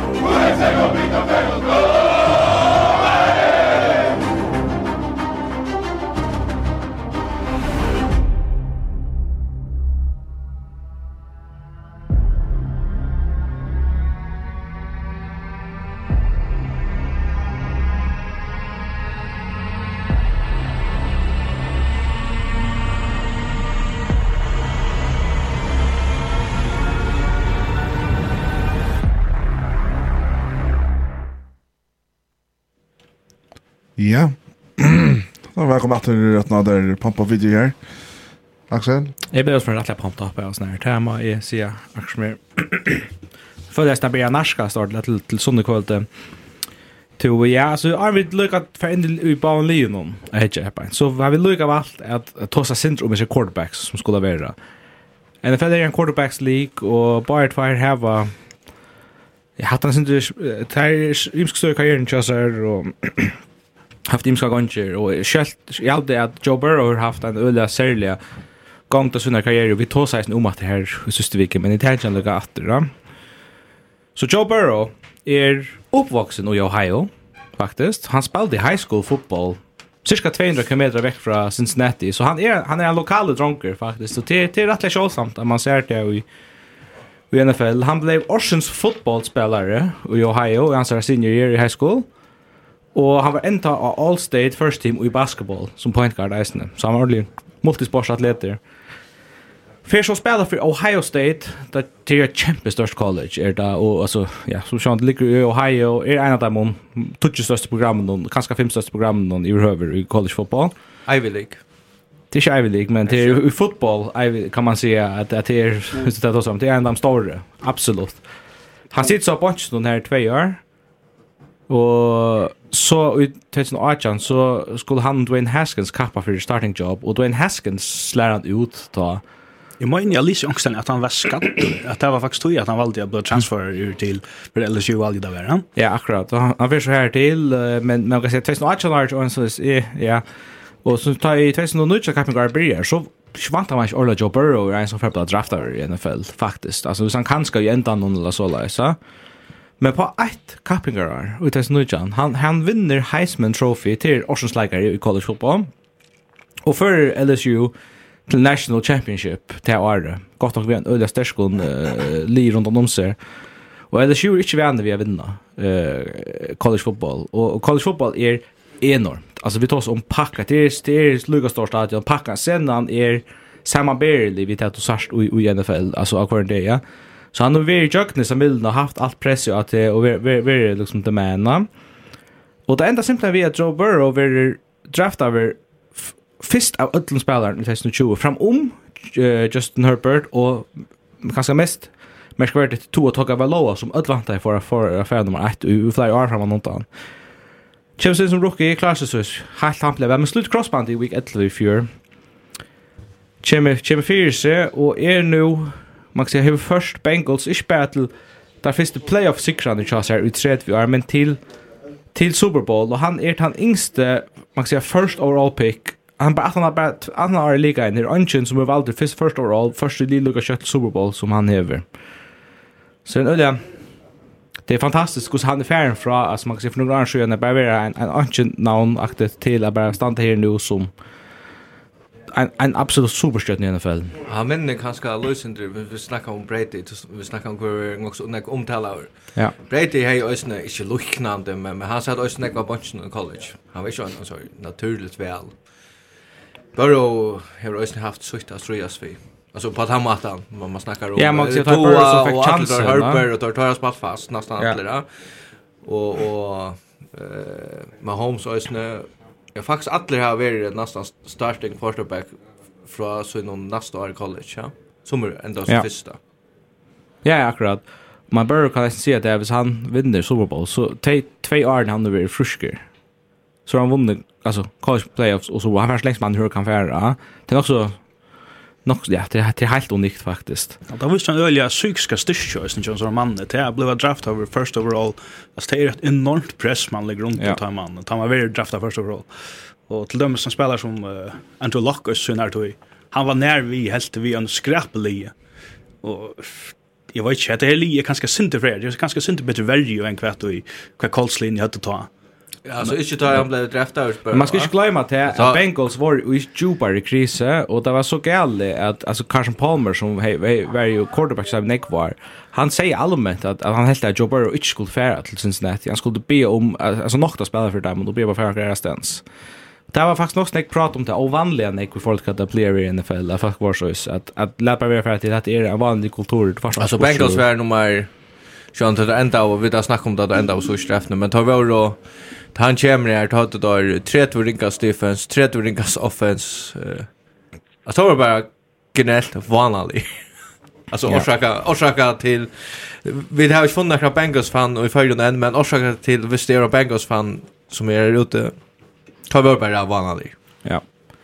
Så här som som som ständer i av någon till Matthew Stafford för jag tänker att det som för början alltså hest man blev Eisen draftar first overall det var inte jag hade bara är för har min är som jag kom fram till att två first overall picks i draften någon spelar mot corner i Super Bowl. Eh uh, men här Matthew Stafford så han äldste quarterback och ger alltså så, så, som är first overall pick som för Super Bowl debut. Hur var hindustrin då? Vart det? Eh, uh, tar över Peyton Manning mot Cam Newton. Super Bowl rush. Okay. Ja, men alltså han han spelar så i Detroit Lions och i, och i Nick War och hur han går karriär här på en helt på stats så 45000 passing yards 22 och 22 first touchdowns 102 interceptions. Valde till Pro Bowl dessen första han har 5000 passing yards dessen 11 Eh men alltså där kommer så tror jag för playoffs i Detroit this year är nära på men för ut i första runda kvar affär och senast där kom playoffs var faktiskt i 2016. Ehm um, och man kan säga sista så tror inte honom är inte sälja han det gå alltså han är 14 25 och ett alltså sista tror jag det tror jag. Och folk tar sig om om man skulle färra och drafta en quarterback det är nu 20 om man skulle färra tagga två eller Herbert lätt han tar valt nummer 3 till är Och sen den starta han men man vill så att att Joe har chans att träd och färra så Joe uppe på han i 29 så ja nej nu nu måste prova och snutt så lever totalt stagnera så hans karriär var sen så en god starting quarterback men inte mer än det. Rams satsar så öle harst på han trade Jared Goff och två första round picks för få han. Och det är ju är väl rätt helt skön om det själver men det har bara rycka helt väl. Alltså öll för som helt dömer på playoffs. Han är upp och ner i regular season. Det hade jag att kunna se han var inte så god där men men playoffs är öle gott och hade han spelade den vi... största disten och i sin och Löve är bara inte att han för här är det som är som kan narskast en Hall of Fame karriär hvis han vinner Super Bowl. Ja, det kvar vi kan ha samt om att ta vinna flera dyster vi Stafford and Goddard Jerry Goff. Det skulle komma kommer Super Bowl i år bestämt Jerry Goff. Nej, det är Och yes. Men annars är en gång stått lite fun fact är att Hall of Fame är nu kört. Och Calvin Johnson, Calvatron Cassandra 202 force touchdowns. Men han har kastat, jag hade 2 force touchdowns till uh, Cam Johnson. Wow. Till att färdla Nick. Ja. Till att färdla. Ja. Hade det 2 force i last songs nu. Eh och tar hött och men annars eh, till ta med Lion så hejan kanske inte han åtta. Cam Johnson. Ja, det det är en en en ordentlig man har gått nog kan man säga. Han har alltid att det är öliga till mentan reella när jag faktiskt Calvin Johnson gavst i Detroit. Det verkar som om att han nu måste han knappt bli. Ja. inte bara kasta till han, men nu måste han hitta är han i ösen. Och det är verkar som han sa game till bara växa tillsvarande i alltid. Ja. Lite sam. Men det står lite bara ja, tack dig bara när jag Ja, nu nu nämnde du där Axel vi att det är något bara är för rollen att det för för så quarterbacks som hittar som Super Bowl. Nej, det tar för in tar för in det här playoffs så att Så det Matthew Stafford och Joe Burrow noll playoff säkra sammanlagt då. Alltså det det två quarterbacks som släkt i världen samtidigt störna eh som skulle göra att han det alltså då båda såna jag som Tony över. eller som jag får snacka om det är nog speciella på några matar alltså en han som kanske en kometen kanske som är är framförallt uppe efter och kan man se man inte skjuter man det vant för Stenjan är och så hin som man kanske bojar på sin karriär efter att när fram och tappa och nu har han så haft haft om såna det, kan man säga för för först för år klar. Så det är en en ölen är en chanta storylines till till en Super Bowl. Ja, absolut. Det är faktiskt også interessant uh, samarbeid du gjør där på. Man kan si at Lean er i eisen öle öle imisk. Cincinnati Bengals er bygd til Ranek opp i jøkkenen ja. draftet dem. Altså, hvis du tykker tar lika spelare. Också Joe Burrow till sin första roll. Jamar Chase, Tradition sin fifth overall i you are. Uh, T. Higgins, um, Joe Mixon, det tekniker er rundt det. Vi hadde Tyler Boyd, vi hadde i høyt i draften. Og, ja. Det det är svårt det tar vi inte här har funnits sin liten lägare.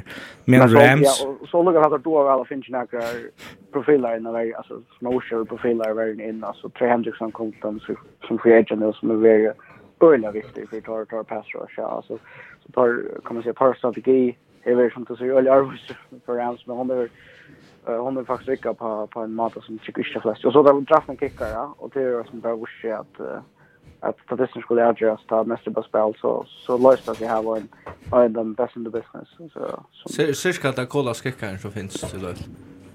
Ja. Det är faktiskt också intressant fun fact av Snøtlens nær, vi var gjennom Rams.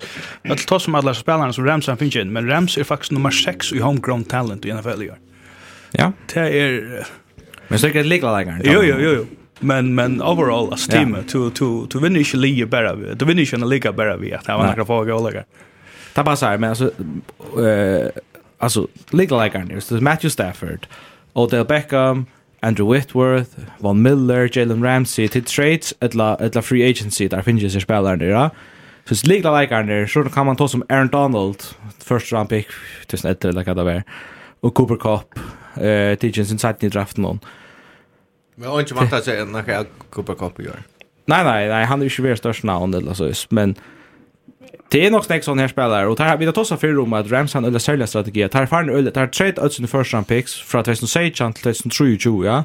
Så därför gänga eh 8 år fra Middleton first round picks så jag tror det för ju är det lock short där.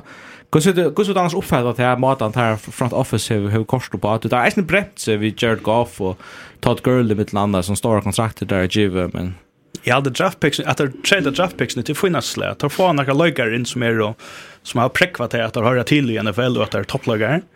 Eh kontrakterna är väl några lost tar då är jävligt land i att att uh, signa spelare för långt kontrakt när det är det bränna som mest det. Till Luke och Donald som är väldigt han hållt stora succén jag de ut i.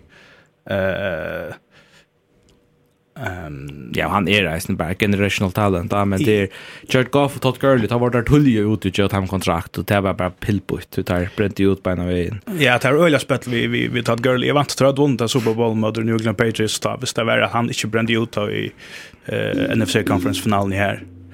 Men uh, ja, det är så det. Och jeg har alltid faktiskt gjort nog att var tar en römma till att det har man gjort en foil vi Jared Goff och vill jag släppa av igen. Och, och Todd Gurley är. Du tar bara en par penger från, från, från, från sånne här feil någon. Men är farne vojar och är en Super Bowl stedet for att man kanske kunde til at, att att Rams bara låtsas inte mitt och vi tar spelare som tar nöjaste halte på att du tar betalt der, men så helt det sier ut att man låter dem bränna i vis pengar någon och og röna att at arbeta ut någon då. Och ett annat en annan strategi jag kör om till att det var väl då väl att signa posts kör en Leon as lagare som är draftad rök som inte klarar väl. Och och egentligen finns tar lagare när det går isna. Ja. Men det viktigaste free agent signing kör om när du så igen att uh, Sean McVay kom till. Det var Andrew Woodward. Han går en left tackle han kom till Feldvis Östen från Cincinnati Bengals här som han har spalt i Rattland Ekvar det var akkurat som det som är uppfattat som det större turnaround just linjer. Det var det att Det var faktisk nu att tog att quarterbacken har linnu hej tog at klara kasten en bult. Tar har haft en asus av quarterbacks. Alltså det var som en karusell där hade var.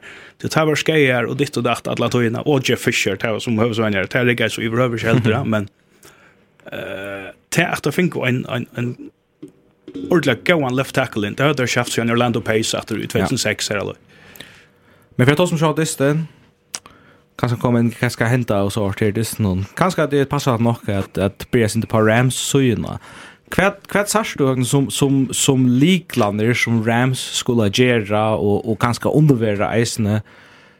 Eh basis ju all upp någon i världen för att att vinna disten. Det skulle sägas att att tar er Bant nu faktiskt hampliga pene favoritter mot Bengals. Uh, handicap är på minus 4,5 till, till relativt nek. Kanske hemmabaner väktar sig nu gör Bant.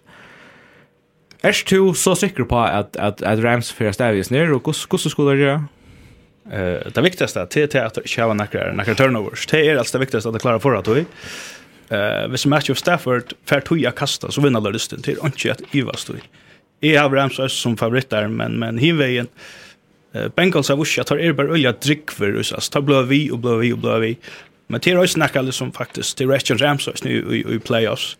Tar spelar det mot 49ers och som uh, ja, att det simpelthen blå vi att börja strast. NFL är det så rätt.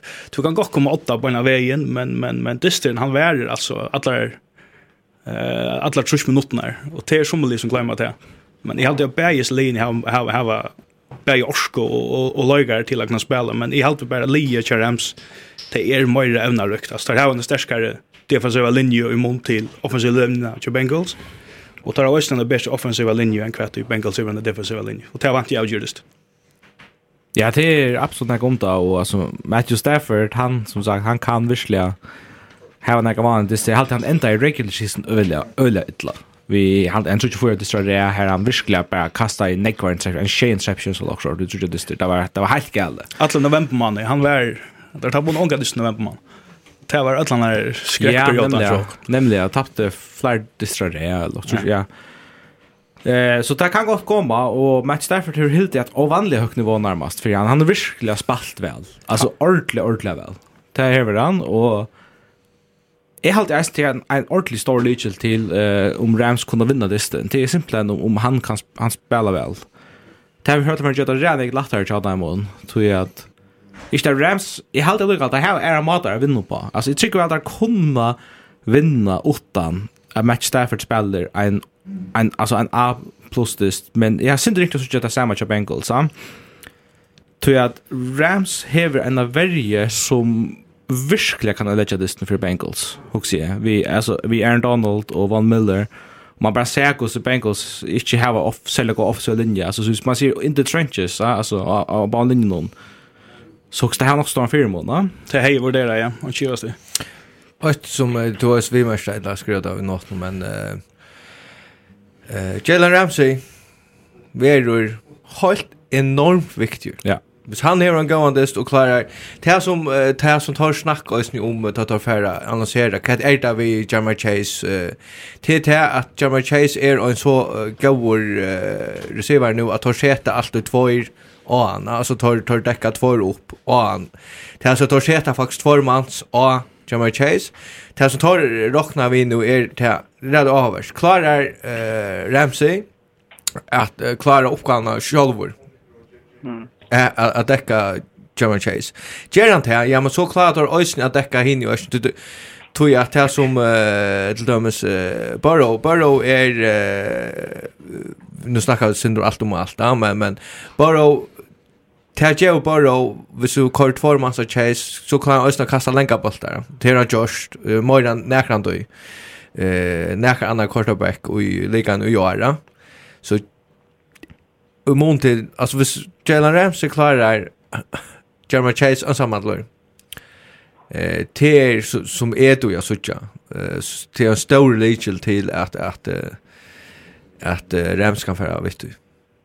Men så spurningen om att välja till Larsen. Alltså jag hade varit inne i att hade varit inne i att korsen accelerera alltså att det är sjaldan att att Jim Ramsey teker man till man då alltså det är för välja några spelare ut av systemet DJ Metcalf för dem så.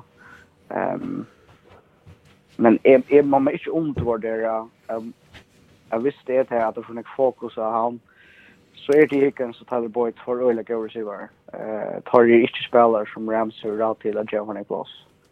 Eh så här akkurat tar matchup med blir öliga spännande. Ehm Jag vet inte vad det alltså. Ja, det är så att söka som du säger alltså om om Torman till Eisner tror jag Ja. Men så med landa Jalen Ramsey Decker, han han fylltes faktiskt nog snäck för Mike Evans, men just det någon blev så bränt en affär och i fjärde kvartal är Mike Evans som gott hei kunna kosta, kosta øyla dors, så det gav ordentliga lov atter til boks ut i dysten, ja. Men ta, jeg hadde bra månen her, er, ta hei Buccaneers här jo ikke Godwin och Brown Tucker, Alltså tar bare nast, störst näst største target, ja. Men Bengals hava, sin näst största target, klara. Eh, tog kan det bli en också större risiko och tog kan man säga visst det är att det blir för mycket fokus att tog spårningen väl man kanske Sprite Välman, alltså väl man att, att säga okej, okay, vi provar vid om vi klarar att halta till Manchester när vi och våra bästa cornerbacker, att la välja vid att ha dubbelt fokusa han, det som till Rasmus Heimann och Joshua intervjun om, och så satsa på att, att Boyd och, och Hickens inte exploderar för en större list, men, men jag vet inte vilka det större risiko, men det är, det är då jag suttit att några större fallgrupper i bauen, va?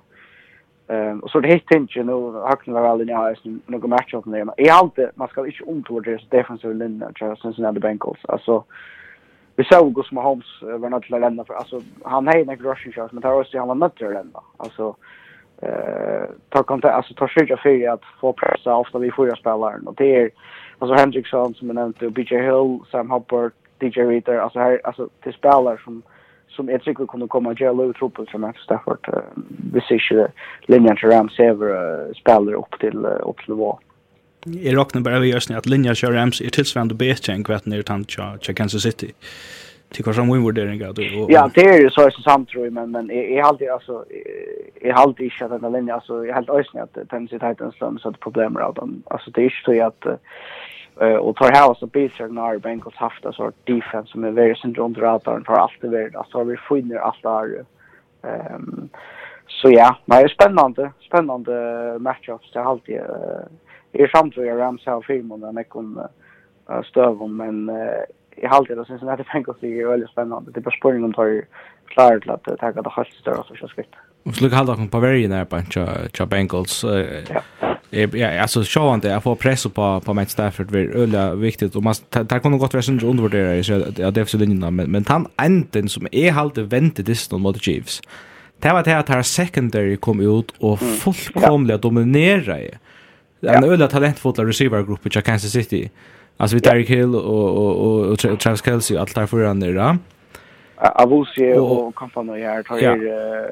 alltså ja, är är samt är helt ösna att ha en, en game changer kan man säga. Alltså ehm um, Ja, alltså och det defensive coordinator där Lou Anna Anna Rumo eller hur ska man då ta det? Han han reisende various into retail till head coaching jobs i Ska Stannes och og man sa den med att han, han var øyelig god till att göra justeringar. Mhm. Och i vergene och och og ja och det gör han ett läs seg en størst mot Chiefs och og i Week 6 han det vara. Alltså det har alltid varit rätt spännande att söka så Kostek plus fair Cooper Cup så han har redan bara totalt fru som han vill eller och och Odell Beckham. Alltså hur så klarar att att att det går för spelaren där till att tar kunna äsna och legendist för det ja. Så det är inte inte helt man ska säga alltså det är det en ölla ja viktig ända halt är vi äsna nämnde Gustav spelaren ja ja. Och så kör han det, tar man om, om Bengals. Så, så må man ens ta om Joe Burrow. Ja, men... Ja, alltså, så det som man kan säga, jag, jag säger, åttan han så har de någon chans. Det hade inte man kan säga, och han har ju aldrig en öliga gång form på nu löten och han viskar bara små med han han han kör bara hett och och är ett litet sitt game upp sälja under under trust ju så och är tycker vi han vill benchen för så löten Men jag tror som han unger och allt. Alltså jag håller bara han är gjort till det här. Ja, jag håller. Men annars ja.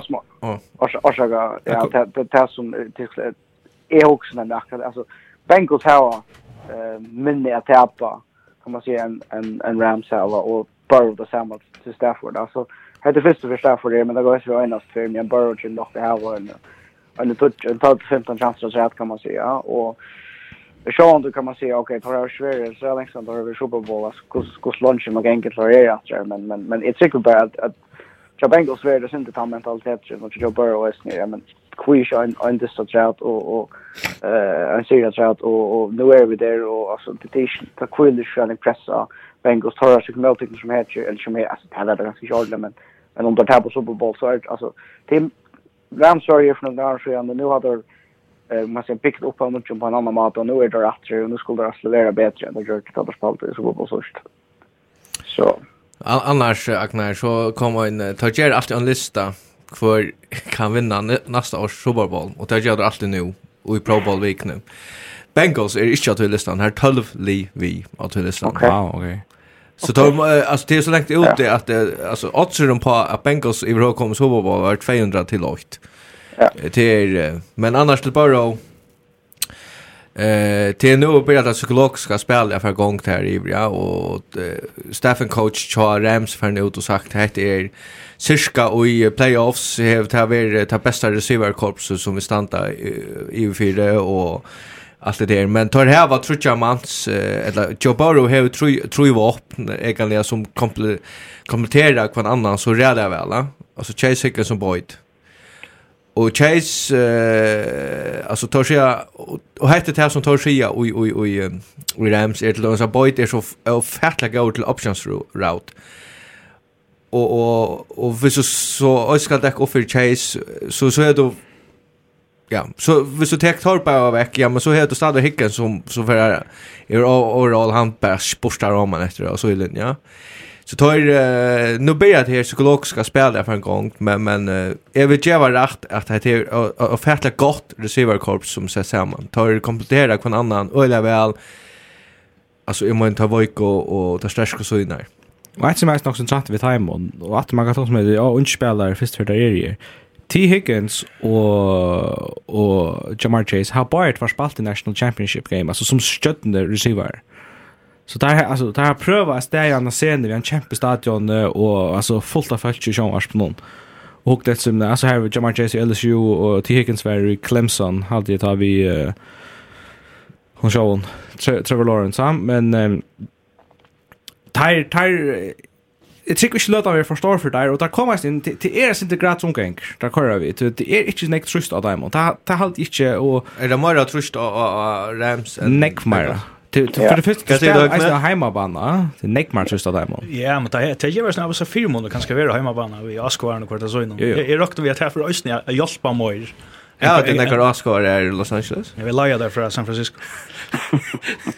Det ja, absolut. Alltså till till till att det är det är neck pressar Rams. Ta man säga och match där för det är en ända sen han blir Hon är ohygglig alltså John nice på något där stand och och eller fjärpar är är gott nog att känd för kritisk. Eh du ser att det tar vänner vi till dömes i national alltså i college fotboll alltså det är spassar finaler men det som folk alltså har lagt för att glömma och det som hvis man fylls väl vid Super Bowl och det som är Arden. Det är NFL-spelare som som är i Super Bowl. Tar stora skott när Det är en sak att göra, det är bara intervju. Alltså det är störst medieshow allt det som det är det börjar ta du kallar det Super Bowl veckan men det är öll veckan gånger bara vi sörjon orsaker sida men det inte vi amerikanska fotboll att göra det är bara medio medio medio så är det show och så ger det alltså tar tar gänga runt och, och spelar lite spel och ja Här halt jag ligger Rams Östern fördel. Du tar av prova det har varit allt för för några knall fauna så. Så jag tycker det kan gott för att här college football är störst men men det är det vet större att det. Jag vet inte. Det är för upp till det. Ja, det det gruliga kött man missar fokus ja. uh, upptakt. Det är som mediecirkus som, som ja. gånger, alltså vidare, eller Det är det, alltså det är bara, och så näckar vi någon större än kvit är och olika som vän vi har så Ja, och det är det som kan, kan förslöra det upplandshandista. Men jag lukar väl, jag tycker vi, alltså Joe Burrow han kommer, og det er ikke han som smelter ned her, bare, men, men alt rundt om han kan godt kollapsa.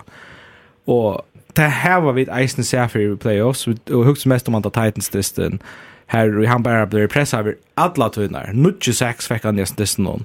Og nå skal han opp imot Aaron Donald, og Von Miller, og Leonard Floyd. Altså, det her verer så reelt å si til Lichlin til Ramsey, og halte Stafford undan, undan press med landet det är så rädd när Glitchlin tja, tja Bengals. Alltså ta ta moet där gera.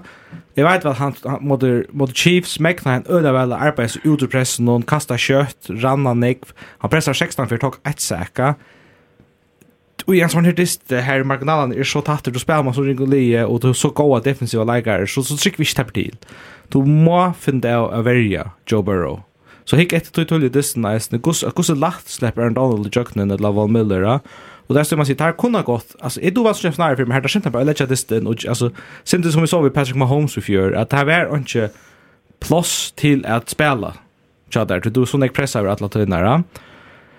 Eh och testar med andra kunna göra till ganska bruka Joe Mixon och Cindy Myra. Vi så att run game kan avlasta han Och man kan söka ganska short cost screeningar ut till att kunna prova ett corner play upp som kunna som kunna latta om och, och man kan se sänka det pass rush tja Tja Rams. Det här är det här är den största utfordringen i Tjata imorgon. Och just det snön.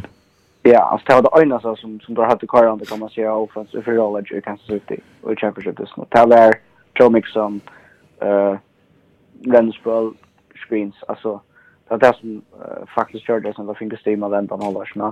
Så eh det är bra att ta ta mo och bruka om klart jag spelar så ska vi nog större parter av albumet. Alltså det det blev nog så viktigt parter för för Benko så sen att att att John Mixon hemma går under. Så jag hade han haft oss under under radarn och öliga. Alltså faktiskt en av en av de halka running backen i NFL och jag. Eh Sean du får Burrow och Chase uh, McFa och Marshall som att rätt vid dem men men John Mixon är en leech och i hästen och det är ganska snack man snackar så här om running game flanken men det kan också bli leech och så kvar klar att att kontrollera klockan är inte vi tog i och eh här här är det kanske behöver bänka oss några fyra månader men uh, Rams kommer ju sen ta ta några ben när sen runt game Bears och Linje och och vi uh, vi Michelle Lunds uh, få och så få Tarik och eller väl. Ja, jag tror att du... Kan du vara det? Sitt bara där. Eh, jag ska gå kvart dit. Mest några smässen och finns ju några smässen kvart. Ja, fem månader nu jag fanns nu jag fanns. Yes, så att som sände in är vi då kassen om fem maskrejer. Och den gossen att punktum in så är det vi. Men helt det skriva spurning att och kostar handla så på. Och ja. God kvart, kostar en like with Hever OJ. Eh, kostar en like with Hever OBJ haft Charamsi or. Och halt det han kommer ha en större like i Super Bowl. Det skulle den, Axel högn jag hade luckligt nu kommer så sent in och och han är simpelt bara spalt sig höjtan och man ser han ser connection vi vi vi vi Matthew Stafford han har bara blivit bättre bättre som som Disney har varit och och nu i conference Disney alltså till han är simpelt över Leachland samma vi Cooper Cup. Till er torpar som skulle förra Ramsley till till Sears bästa jämnar till till som kivast Ja, men jag har haft det sånn vill jag göra ju. Ja, alltså om man ser bara at det er en spelig glede i øynene nå som inte är värre så gärna värre i Browns. Det är det var ikke så veldig så kjenner etter. Jag vet inte känner det nästa år. Men man varsker att vi får ett gott kom kompensasjonsbygg för igjen. Ja. Det er så løsene her vi kommer hit. Men annars, tar vi ta snack om Rams, så... Lucas Neck som tar av Hickens bänk så här du ska snacka om Jefferson. Nej, jag vet. Men det är sånt Eva man är klar. men, men han är han är det ju på är han ämnet fenomenalt god. Han är god ja. Så bär han och och, och mövliga och tight end um, Higby till Östern Spornmal spårningar om han blir klar men där kommer han inte till Serbien senast det han kört där bara ser dåligt glimrande. Ja. Det det vis viska som om att det har en sån mentalitet för next man up och det har bara rycka i allt år. Eh, ta där spelar mot där Tower Motor Buccaneers. Ta mankla två spelare av linjen i Rams men det såst chatter. Schalt med spelar mot där. Han är ölja gång fram till Chop Buccaneers. Ja. Procent. Annars annars på några kvalitet. Allt spännande lossar tycker hon. För du kommer stanna starkaste mynten i Super Bowl. Joe Barry Chase eller Stafford Cup. Jag väntar över Stafford och BJ. Oh, ja. Oh, oh cover, double coverage här OBJ J. Hansen year. Ja, han ska nog slå rekordna kopp, men det är hins som verit han, han står den större serien. Okay, nu så vi tväsen till att Så du ser faktiskt Joe Burrow Chase slippen om. Det skulle inte vara faktiskt. Man sa sen där Higgins tog nek över isen kan man se i hintes någon där mot mot Chiefs. Så det kan gott vara Tyra tekniskt inte ut men det trick Burrow och Chase alltså gav allt till Tyra eller lite lärbant. Mhm. Är det Stafford Cup? Jeg håper ikke. Nei, i stedet for kopp til at kopp hever prekva alt, han leverer bare. Altså han mævren er bare så liter. Jeg skal bare henge vantest, let's see. Jeg håper det særskilt jeg håper det. Jeg Greer heter hei tid, vil en high-scoring softball, hvor lager jeg kommer til det vittaste catch. Det spelar en sti her. Det må være til Beckham, va? Og til Beckham, ja, one-hander, ja. Jo, jeg vant det over next tid. Eh, aller helst, eh, annars, utan så at jeg velger han til Rams og jeg legger disten for Bengals, så vant jeg en, en rettelig high scoring dist. Og det var øyelig avhåverst. Bengals vinner 4-3-1. Skulle du spørre tippa plus minus? Ja, jeg vet ikke, jeg må sette, sette, sette. Men annars är det en det är en gång stortlevis när det du kör SMS ut. Som man ser ända kör halt tar halt av i och allt det där. Här är en stillers fan han över Han är väl faktiskt uh, helt över stilar så jag nu John Nuccio fors. Men här räknar vi Rams vinner här. Men nu John Nuccio fors. Ja. Jag ska man till något vatten så man i alla fall Nuccio fors. Det är svårt det där också. Men det är också det är också flott. Han sekreterare ju också också utvecklingsstudent. Men eh jag vet det är så det. Utveckling så det. Ja ja, jag vet inte AFS, och inte AFS. Jo. Vi tar ner spongen där så. Alltså Nu kan tänka ändå ner kanske lucka. Det är inte om Super Bowl. Hade det Brady Gauss till en svanta inte för spela en kappinga för en lik kommande år. Jag också en passtrad. Det också är det. Onkel Tosa om att han för Jeffs att komma efter för spela en early. Nej, det hade det. Så jag också att det är taktiskt inte taktiskt, ja. För han Jeffs är han att topp någon. Han är vår alltså han är vår han är väl en av bästa vis inte han bästa quarterbacken och i reckless ish. Och tror minnas minnas han som minnas Debris va? Nej. Det var Nej, nej, det var att prik. Det peach för oss. Men eh jag tror inte jag prickade. Vad ska jag? Nej. Jag har inte prickat, det ska minnas till. Axel har prickat. Jag vet det väl. Flöjer för? Ja, men alltså, jag skulle skulle folk brygga det där, det här ju sin playoffs. Åh. Ja, nu snackar vi det, va? Det är det där läckta som SK. Det är faktiskt två. Ja, tack att jag bara, så för att säga om vinningarna. Mm, ja. Men, eh... Uh, kan jag ska tacka, eller? Det var väl, ja er ett som sier Atlantisten og faktisk 2. Ja. SMS-er. Skal jeg lese det opp? Ja. Her er et, uh, tvei øyla leng sms. Jeg halte det av til at det er så leng, så sier jeg at det er 8 sms i Rams, 22 Bengals 20, MVP Aaron Donalds, Bengals får målaga jauna med Aaron Donalds stripsackar Barrow, Stafford hever 8 pick, 6, OBG hever iver 100 yards og 8 touchdown, Chase hever under truss yards det tog jag gärna Rams här och så har Rams i vår 6-6 och i det snön Donald för fyra. Du måste färra tippa vi alla så linjen där bara predictions show där. Det kan få en en en kan säga eller köra het. Och så 100 kronor in. Och så är det ett Anna Och som spåren kallar det offensive linja av Bengals klarar halta nova stand mot Cruz där ska Donald Miller ta faktiskt egna svär på att Burrow ska nog klara pressen. Men han får nok av tog och värj, om han fick av tog och värj. Själv var halvt jag vid Bengals Super Bowl og tryck ösni at unga mannskap ska Bengals klara vinna. Så jag tryck för onksvägna att spelarna får fria timmar. og har best allt att vinna og inte lukka nekka tepa som Rams. Alla är som sände det sms in till att jag vill se er samt ötlo. Nej, det var. Jag har sagt något lunda det samma isen faktiskt. Är det samt ötlo? Men tar sig ösni och i medien och så flöjde experter säger att vi tog matan om vi där snackar om uh, Ramsauer valgt a bygg sitt li upp så är det faktiskt nu, och det är näka òsne vi att det er nu att tar, tar standa faktiskt en transaktion nu stadion så är det her, men tar mangla faktiskt en här och chatt nu, uh, uh, sier der, tar, tar, tar mangla faktisk avskoare, Jo, det kan man godt se, men jag dras vært ju i, i St. Louis og i Rattland är kvar. Det, det ikke ondt alt tog. Nej, nej, det är inte ont allt, men, men det är vi åt att konkurrera mot alltså kämpe ör alltså andra NFL är där och tar hava nek onnor idrottsgrönar som är kämpstora och i Los Angeles så tar sig faktiskt egentligen för att att att Øystein få vind och säckne och få, som man sier, kjølige shot där så är det nu Rams ska vinna. Ja, ja. Det säger man då istället för trimnar så egentligen det var så bra. Det heter helt runt picks, men det kan vara det. Jag vet inte. Nei, nei, jeg vet ikke. Det er bare... Men för rundt av Arne Arne annan för att jag her. Hva Kan vänta ditt? Tippa vi nu? Ja. Åh, jeg har klarat mig inte tippingen. jeg kan säga mot. Ja, säg det åt Släpp jag också.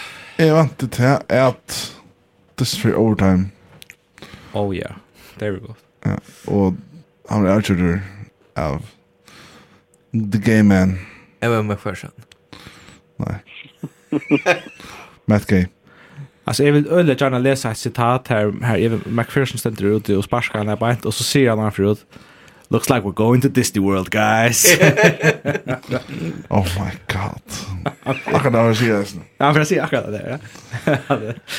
Nei, Nej, jag åkte vi rens för för hallet hem till till till Vånje. Var det tatt eller? Ja, så jag vant att vara tatt där en en en i hopp att jag för. En en en tjej ju på mig ju ser lock för det. Ja, det er ju så. Ja, Agnar han Agnar.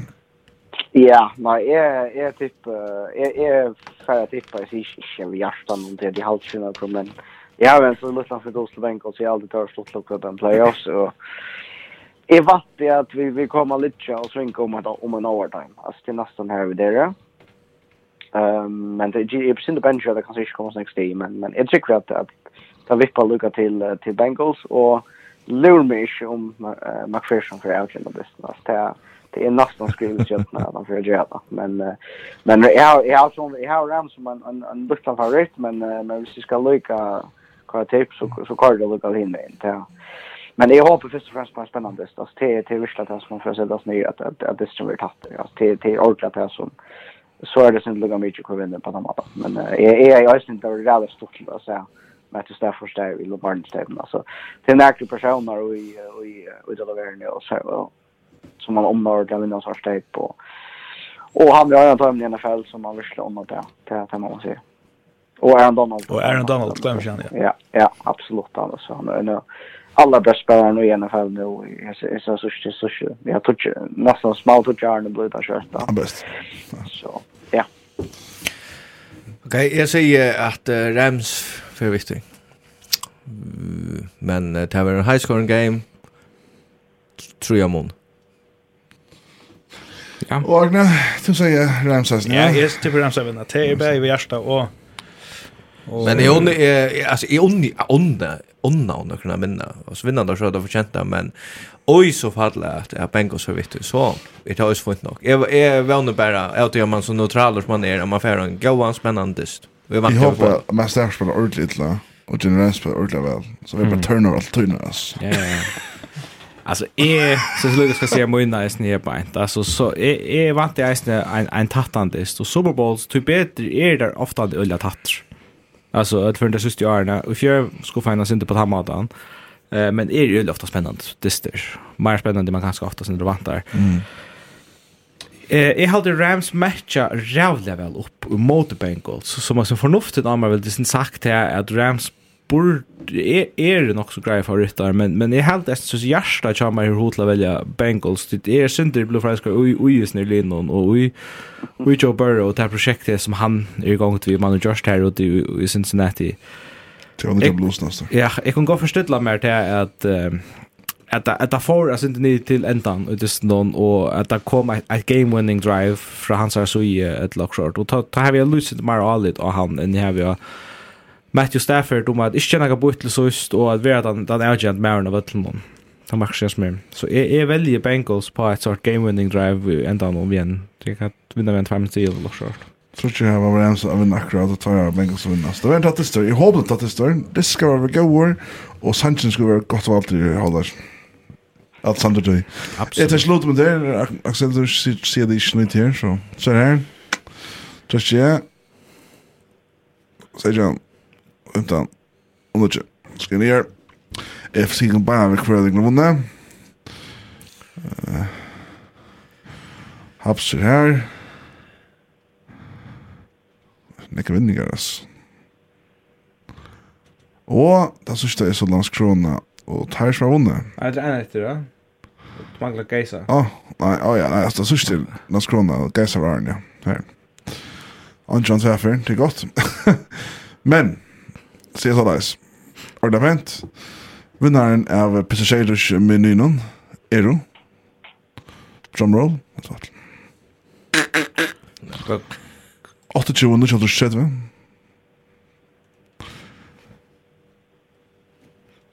Jeg bare skal nye det. Jeg skal nye det. Jeg skal nye det. 28 under 2030, ja. Ja. Og? 2001, 21, 21, 21, Og? 21, Jeg var vunnet. Jeg tjener ikke minutter i eisene. Og 26, 46, 13 har eisne vunnet inne. Minutter for tjener. Til etter vi kontakter i morgen.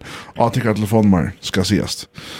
Og haps vinnaren er så altså, et nøyre inni her. Og han er så 8 tjej 4 95. Geisa,